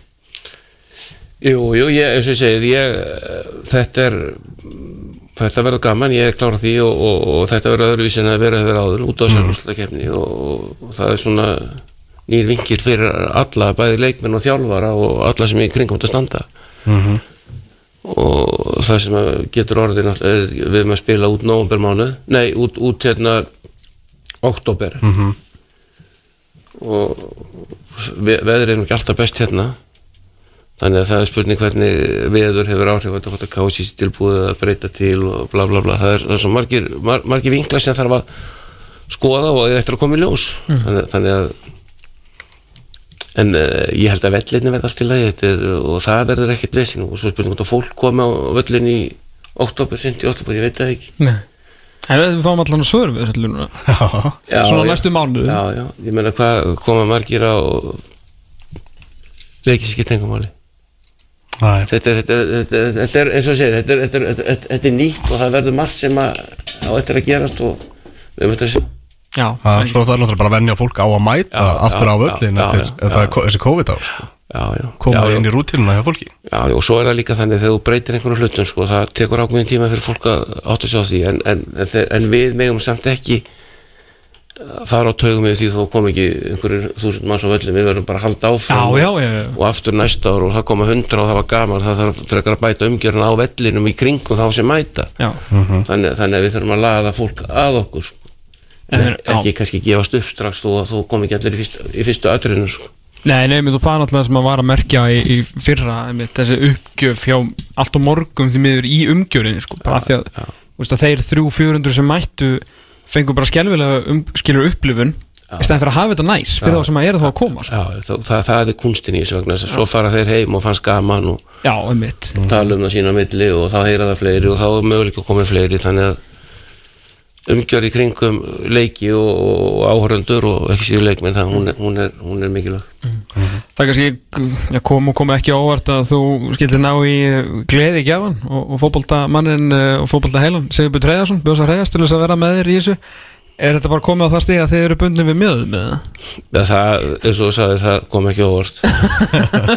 Nei, nei, það er ekki ekki það er bara þannig. Hann er það, hann er það. Og, og frábær á æfingasöðinu og bara flott strókur Já, gefur náttúrulega líka svona þessa dýnamíka þegar þú ert nú tiltölulega rólegu með þau sko og Já. getur nú eflust æsti og svona en, því hann, er náttúrulega, hann er bara í sjötta gýr sko. Já, hann er upptúrnaður Já, þetta er við, við, við náum vel saman og, og ég treysti honum og hann treysti mér og það, Já. er, er mikilvægt í þessu. Já En náttúrulega til þess að þetta yrði það þurfti náttúrulega krónprinsin að frá að hverfa var þetta, þetta einhverjar, var þetta erfitt þegar Nei. Davíð þú fór upp á skristofu? Nei, nei, ég, ég held að uh, eftir smá diskussjón og, og, og samræð þá sá Davíð það alveg að þetta að það var, hann þurfti að draga síli Ok, út af, út af bara sína málum þannig að það var ekkert, það var engin, engin leðindi það sás ekki því og hann er eh, vinnur hann upp á krika sem yfirmaður Mm. þannig að þetta þetta var ekkert, ekkert það var ekkert engin átök í þessu. Nei. En sann svona mikil, svona miklir F-fóingar, svona ferrandi leikmenn á nokkuð hái leveli sem að eru svona í kringum þetta núna, þú veist, Davíð hann er maður knastbundummála uh, svo miðbróði, hérna, litli bróður náttúrulega líka hérna, þú veist, í ráðinu, Jón Elling skilur þetta svona, það er þekking og viska og menn sem að þú náttúrulega þekki líka bara mjög vel og lítur að lí- ríkja ágætist tröst og vera svona gaman að svona innan stjórnar og þjálfara til mér F á þessa dagana. Já, það er alltaf gaman hjá þjálfartöfinu Já, ég- ég lofa- ég- ég trúi því, ég það, trúi það, því. er- það er ekkert vissin þar en, en Eru hinn erfiðir það? Nei, en, við erum svo sem ekkert í, í, í daglegum samskiptum eða samtölum við stjórnum en Nei, það er við erum ekki að tröfla, þá. Það er eins gott þegar maður fer til þeirra að maður sé þá með eitthvað á- alvöru erindi og Eh, þannig að það, maður, lætur þá eiga sig svona mestu liti Alla jafna Já, Það heldur alveg erindi, liðstyrkingjarna er, er það að hugsa um bara alla línundar, að fá manni alla línur eða? Heyrðu, ég hef alltaf sagt það þegar að, að, að þessu kemur að ég, ef það kemur góða fótbollamærin á borð hjá mér, þá Ah. tek ég hann. Hvort hann spilar aftarlega framalega á miðinni, mér er eiginlega alveg saman það. Ef hann, ef hann er, er þess leður að styrki mitt lið á mína, eða mitt lið, þá, þá, þá er ég alltaf tilbúin að skoða það. Og við erum svo sem ekkert, við erum svo sem ekkert að leita neitt eða neina sérstöku. Nei. Við erum alltaf að leita einu framlínu manni, við viljum fá eitt framlínu mann, mm -hmm. því, fyrir Jónatan. En þú vilt ekki vera með neina varna með, eða miðverði í miðverðinu hér? Jú, ég, það verða nú miðverði í uh, liðinu á mér sko Ég meina svona að ment Jú, jú, við, það, jú, jú, það væri fínt að fá eitt góða miðverð og, og það er svona hlutur sem við erum búin að tala um svolítið lengi en, en það er ekkert hlaupið að finna þessa menn og, og, og það er nú oft betur heima setið heldur en að fara að taka Já. einhverja menn hérna einn sem að kannski er ekki eins og við viljum hafa þá Nei. og við eigum kannski alveg menn bara við liðina á okkur Þann, þannig að við þá svona Finnur og Gummi hafa leist þetta Eggert getur leist þetta, Lóirhaf getur leist þetta líka Mhm. þannig að við erum svo sem ekki alveg blankir þarna en, en, en eins og ég segi eh, góður miðvörður sterkur karakter, hann er, er velkomin til okkar. Þú minnist á, á, Lóarhab sem auðvitað í hérna byrjunleginu hjá 21 í ger alveg virkilega góður ungu fótboltamaður. Hvað hérna, hvað endar hann svona til lengri tíma? Sér hann, þú veist, fer hann í atvinnum sko, sem miðjumæður eða mynd þú draga niður til að reyna að selja sem miðvörð? Sko ég held að Lóirhaf er alltaf maður Já, Ég- ég sammála því, ég, ég það sé, sé nokkuð ljóst uh, hann getur spilað inn á miðjunni mjög vel og hann getur líka spilað hafsend mjög vel. Mhm. og ég held bara að það verði eitthvað sem að uh, nýjir menn eða nýjir þjálfarar og nýtt lið Mhm. kom til með að skoða þegar þetta kemur. En hann er svona, hvað, sexaði þér í dag svona, já, hann er verið inn á miðjunni hann verið þetta já, það er svona auðveldur að færa menn kannski úr af miðju nýri hafsend. Já heldur hann upp? Heldur en upp sko þess að uh, ef þú þú ert búin að spila þess á miðinni þá svona búin að lendi fleiri aðstæðum og þekki lengi betur. Mhm. þannig þá áttu að fara að geta þá áttu að geta að spila hafsend sko. á þessum mánuði sem þú er búin að vinna með honum eru, hérna, er nofalega svona, svona með betri ungu leikmennu svo er vinna með? Já, ég held að það sé klásmál ég held að það sé klásmál, hann er einn, einn af þeim sko og við erum svo sem það fóru tveir, tveir, tveir í morgun með eða sem sé í 21. landsliði fóru tveir frá okkur í morgun. Já, Óli og, Óli og Óliver já, Óli var fór líka, já, einmitt, einmitt, einmitt. Þannig þannig við erum með það er ágættis kjarni af ungu leikmenn með fór núna sem eru virkilega lofandi og, mm -hmm. og duglir að æfa og, og svona samheldin hópur. Þannig ég er mjög sátt við það. Og enda er það að skila okkur að við erum, við erum að nota, nota unga stráka og, og þeir eru bara staðið sér vel eða bara það er ekki slokkunar það. Rosalegur svona skemmtilegu kontrast millið þessar og varst þarna síðast og, og núna. Það var, veist, var svo fast móta og svo ógeðslega mikið af uppöldum góðum leikmönnum og svo náttúrulega fengu því alltaf bestu bitana heim eða mjög góða bita heim sko. Alltaf, þú veist, FO er samt komið miklu lengra sem félag en svona liðið, náttúrulega líka kannski út af síðust árum að þetta er allt annað dæmið varst þarna síðast. Hvað var það svona leikmenn og lið? Já, já, já, já við, það, ég, það er alveg sammála því það er ekki, ekki sami. Við vorum með helviti góða leikmenn hérna áður fyrr sko. en við erum samt með fína leikmenn núna og, og, og, og það, þetta er eins og ég segi þetta við erum svona að reyna að búa til liður þessu og það er svona gengur ágæðlega en samt eh, er ég ekki 100% sáttur. Þannig að Að verka að vinna. Já, já, sem betur fer. Sem betur fer, það er, það er verka að vinna og það er, við, en, en við erum ágætt leið. Ég hef samt vilja að vera komin aðeins lengra. Mm. komin að lengra segir samt lengi byggamestari uh, rétt án við hérna, sleppu þeirra því að á síðast ári gerðist náttúrulega einn óvantastu hlutur uh, bara sem síðast hefur þegar að Ólafur Jónsson uh, var mættur uh, í sjónvarp að fara yfir uh, deildina.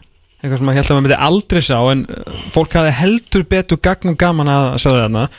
Maðurinn sem hafði nú oftar sko verið svona eiginlega bara í nánast í heilugu stríði við sjónvastofunar, frekar heldur hann að nálgast þar það mikið að voru hann hluta um hvernig, hvernig lestu þetta og hvernig fannst þér það þessi stötu tími hana? Það er þannig að sko, ég get talað um fótbolta í marga daga við þið viljið Já, við vitum það. Og, og ég hef ýmsar skoðanir og veit, veit hans er margt. Og það verður nú allt í bókinni sem ég ætti að gefa út. Það, þið getur nú lesað það þar. Já, en, já, en þegar að þetta kom til tals langaði mig til þetta gaman að þessu? Ok. Það var mjög, ég hafði mjög gaman að þessu. Það sást. Og og maður þóri svona að segja meira þegar maður er í þessu heldur en, heldur en kannski þegar maður er þjálfari maður er alltaf maður er ekki svo skemmtilega þetta er, ekki, er ekki besta útgáðan að manni þegar maður er í viðtölum sko. Nei, nei þannig að það er svona auðveldur að Heldur þetta veitalega verið betra á herrakvöldinu ger? nei, ég er, ég er samfærin að það væri ekki, væri ekki betra það nei, nei, það, en, en þú veist það, er- þegar maður, Já, já. þegar maður er svona frjálsæður þá getur maður Auðvitað en það ein, ein, þetta eina sem skiptir í sig, það er að bara setja bara satt og rétt. Auðvitað þá er þetta ekkert vissin Já, ég er nákvæmlega, nákvæmlega. Eins, og, hérna- eins og ég hef svo oft sagt sko, ég þarf ekki að muna sem ég sagði vegna þess að ég sagði satt. Já, þetta, þetta, var, þetta var mjög skemmtilegt sko En því svona Komstu að ykkur, þú veist bara náttúrulega ma- margt um að fjalla, er þetta aðeins öðruvísi heldur en þegar, þú veist eins og Pepsi Mörkin sem voru alltaf með sex leiki, þannig voru þið Já, kannski að taka eitt, þægilegt náttúrulega svona. Já, já. En svona þegar þú sast þarna skilur, síndur forveriðin um eitthvað skilning svona þegar þeir höfðu verið eitthvað að þig og þú alveg trilltur? Nei, ég var nú, ég sko Ég veit náttúrulega hvernig það er leið sko, ég, sko það, mér finnst mér finnst nefnilega sko það, það, þetta gengur ekki út á það að vera vondur við menn og taka menna líf mér finnst ekki það í þess sko. Alls ekki, Den, þetta, þetta er nú skemmt efni sko að hlæja. Já, þannig að það, maður, má nú grínast með ýmsa hluti og, og, og svona segja ímislegt sem að sem að er bara skemmtilegt strákar. Þetta Já, er- þetta algjörlega. þetta, þetta er ekkert, þetta er ekkert öðruvísin en það, þetta, er- þetta er skemmtun fótbollin sko. þannig að þú veist ef að þú hættir einhvern tímann aftur þá getur alveg dottið inn í þetta þú veist, aftur, þú veist, það var enginn að pína því þetta þú veist, ég fannst það bara gaman. Já, mér finnst það mjög gaman. Ég, ég verð nú orðin aðeins eldri því ég hætti.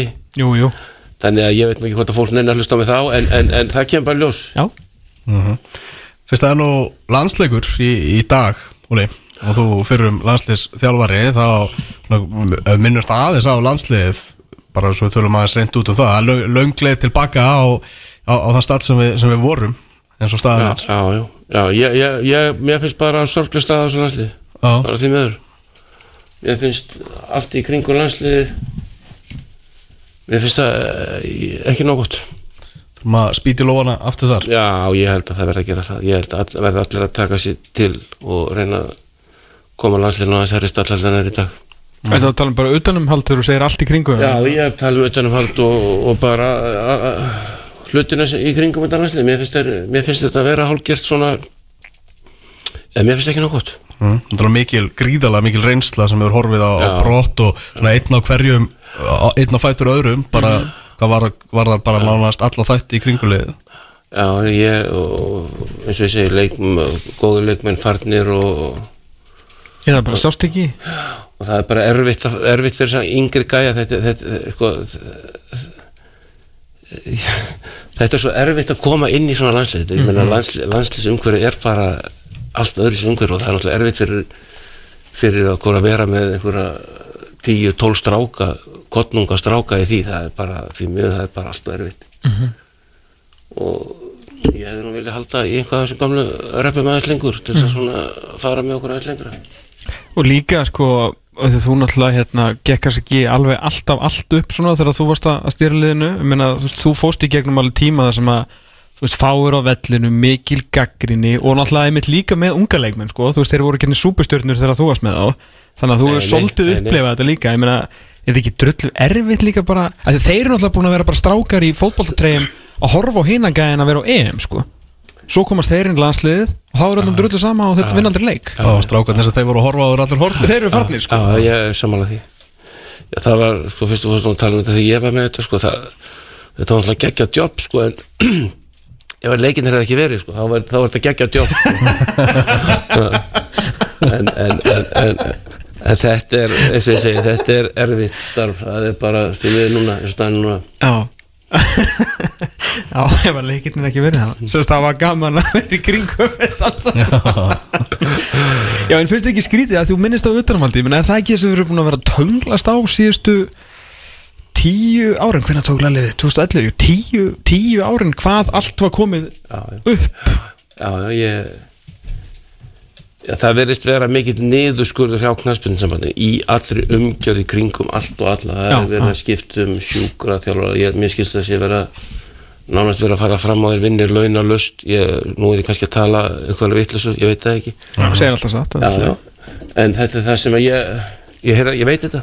Ok, og, og svona það er verið að skera niður ímsar hluti kannski og þur, þarf þess til þess að liða okkar verið gott þá þarf að vera geggjuð umgjörði kringu samkvæmna og það er bara, Auðvitað. fyrsta flokks og, og ég er ekki viss með að sé svolítið svona, ég er ekki viss svona sko, en, en, en eins og ég sagði, það getur vel við að segja einhverju viss ég, ég held ég þekki það eins Já, við, við að trúa er ég meina það fyrst. Bara dæmið sem að grípur alltaf í. Lettland sigurinn hérna á sínum tíma. Við veit ekki hvað muni eftir um það 3-0 sigurinn sko. svo áttu Holland hérna heima þegar við unnið á það var leiguflug og þú strákarnir lágu og þá var að nutta á í fluguna það voru bara tveir dagar á milli leikja skilur Þú veist, þetta eru peningarnir sem þarf að eyða að þú ætlar að skilur, ná eitthvað lengra sko. þetta er ástæðan fyrir að kom með ástæðan. Þetta var góði leikmenn og góði þjálfar en svona hluti skipta máli í já. Öll, eins og segi umgjörð og, utanumhald um, um leikmennina skiptir geðslega miklu máli.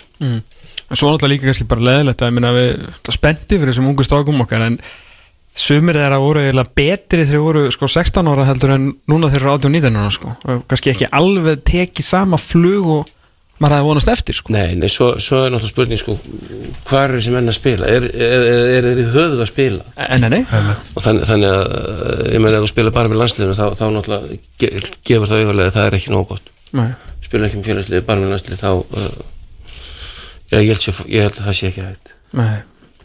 Já, og að, finnst þér ekki sammála mér svolítið mikið að vinna dag bara til að fá aðeins fólki með Jú, jú, og líka, ég meina, við- til að bara fá smá trú hjá strákunum Einmitt, og, og fá, uh, ég meina, við erum að spila við Finna og meina, eru líkur að vinna Spánveri? Nei, ekki. ekki, ekki en, en, en ef að menn geta gengið svona þokkala stoltir af velli með kannski að hafa uh, spilað leik þar sem allt var, gefið, uh, allt var lagt í leikinu Mhm. og, og bara þó við vinnum hann, við getum líka unnið hann sko Mhm. þannig, að, þannig að það skiptir leikmennina miklu máli eins Mhm. og Arnar hefur verið að tala um að búa til svona kannski einhverja stemmingu kringu þá og þannig að þeir fari inn á völlin og séu með svolítið sjálfstöðst og óhrættir og, Mhm.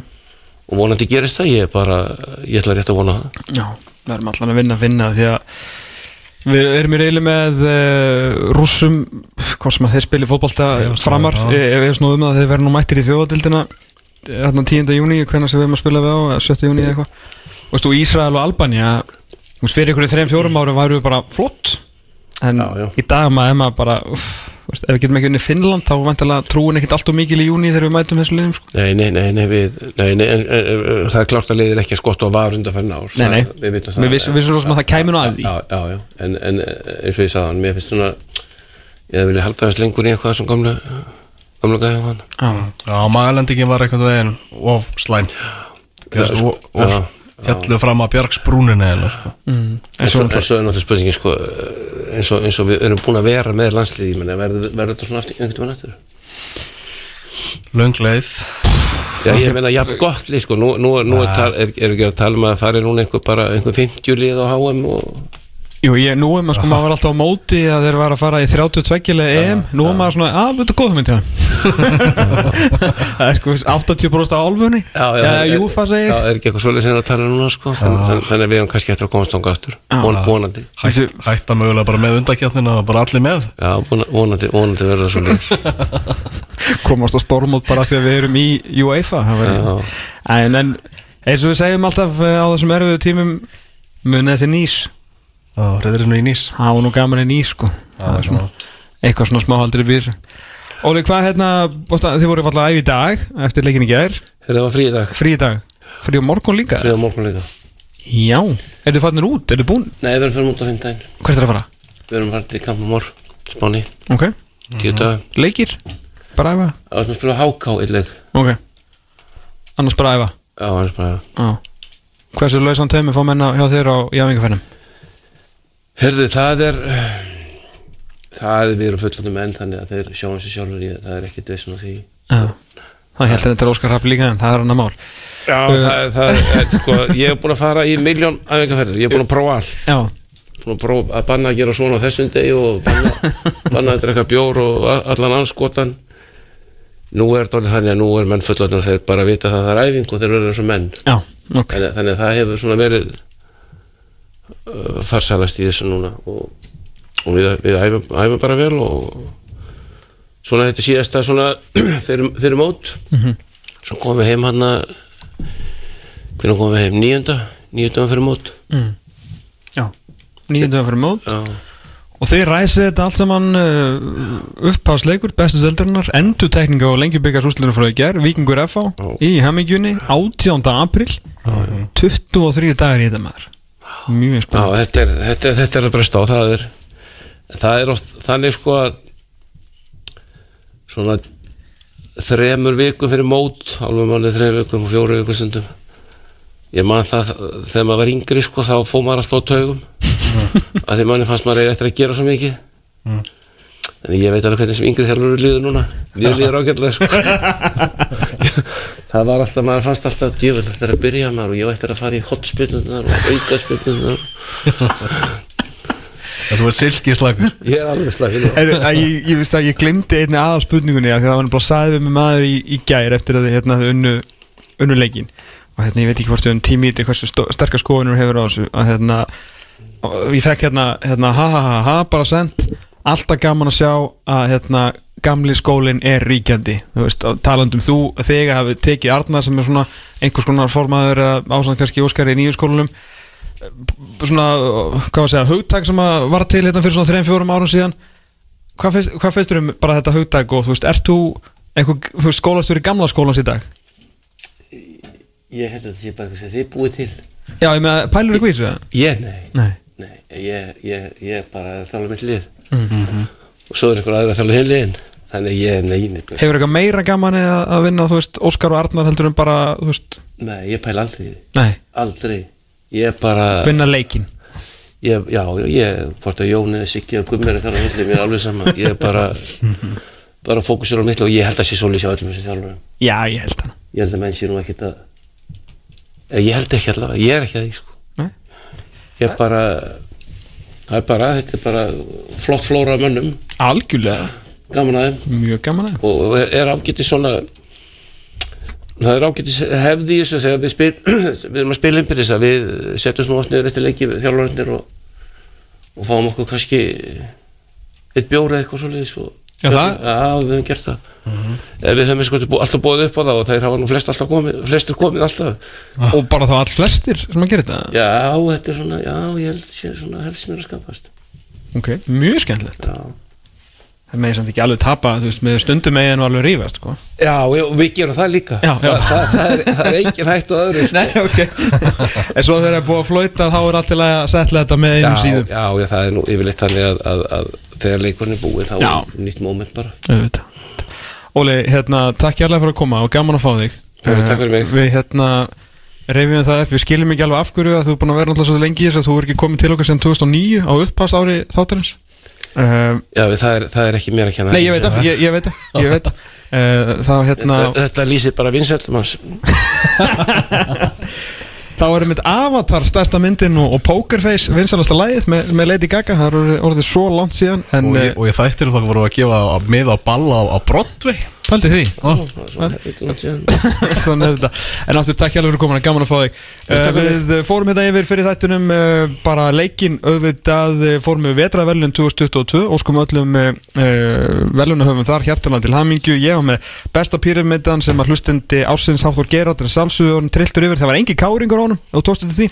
Ah. og hérna þannig að það var skemmtilegt. Óli og að kveðja okkur. Við verðum hérna aftur að tala um fótbolta eftir 6 daga og 22 tíma. Samkvæmt til, verið sæl